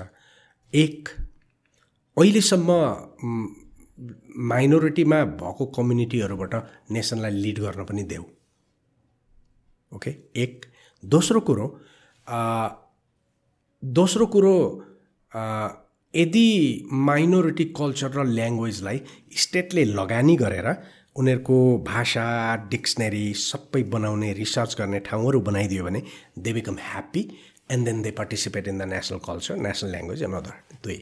तेस्रो कुरो हामीले हामीले कम्तीमा पिपुललाई के भन्नु पऱ्यो भनेर भन्दाखेरि मैले तिमीलाई रोजगार दिन सकिनँ भने तिमी रोजगार क्रिएट आफूलाई गर but I will I will I will free the tax म तिमीलाई ह्याजल्स क्रिएट गर्दिनँ दुःख दिन्न सके जति सहयोग गर्छु सके जति पैसा दिन्छु पैसा दिन सकिनँ भने पनि स्टेटको मोरल सपोर्ट दिन्छु भनेर ग्यारेन्टी गर्नु पऱ्यो यदि म अमेरिका नगएर नेपालमा बस्ने हो भने मैले सानो उद्योग मैले सानो उद्योग चाहिँ चलाएँ भने स्टेटले मलाई प्रोटेक्ट गरिदिनु पऱ्यो पैसा नदिएला इन्सुरेन्स गरिदेऊ न।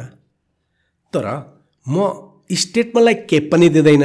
अनि म बल्ल तल्ल एउटा कम्पनी बनाएर एउटा दोकान खोल्न खोज्छु।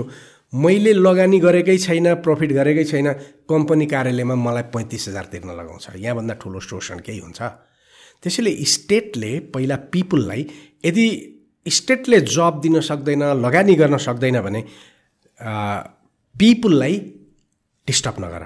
पिपललाई भन तपाईँहरू आफ्नो प्रोडक्टिभिटी इनोभेसनमा जानुहोस् म सहयोग गर्छु अहिले दिन नसके भने। प्रेरित गर्नु पऱ्यो त्यो कुरो। So that was what China did in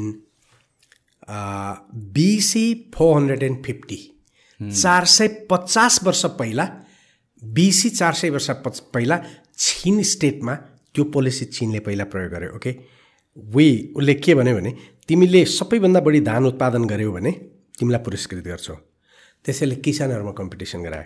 त्यसपछि पटक पटक यो खालका पुरस्कारहरू गरे र राजाहरू त्यहाँको सम्राटहरूले के घोषणा गर्थ्यो राम्रो सम्राटहरूले भने हामीले तिमीलाई दिन सकेनौँ so we withdraw the tax please you product you produce and you survive so that's what they had so अहिले पनि चिनियाहरूले के भन्छ भन्दाखेरि जस्तो उदाहरणको लागि तिम्रो गाउँमा सल्लो छ तिम्रो गाउँमा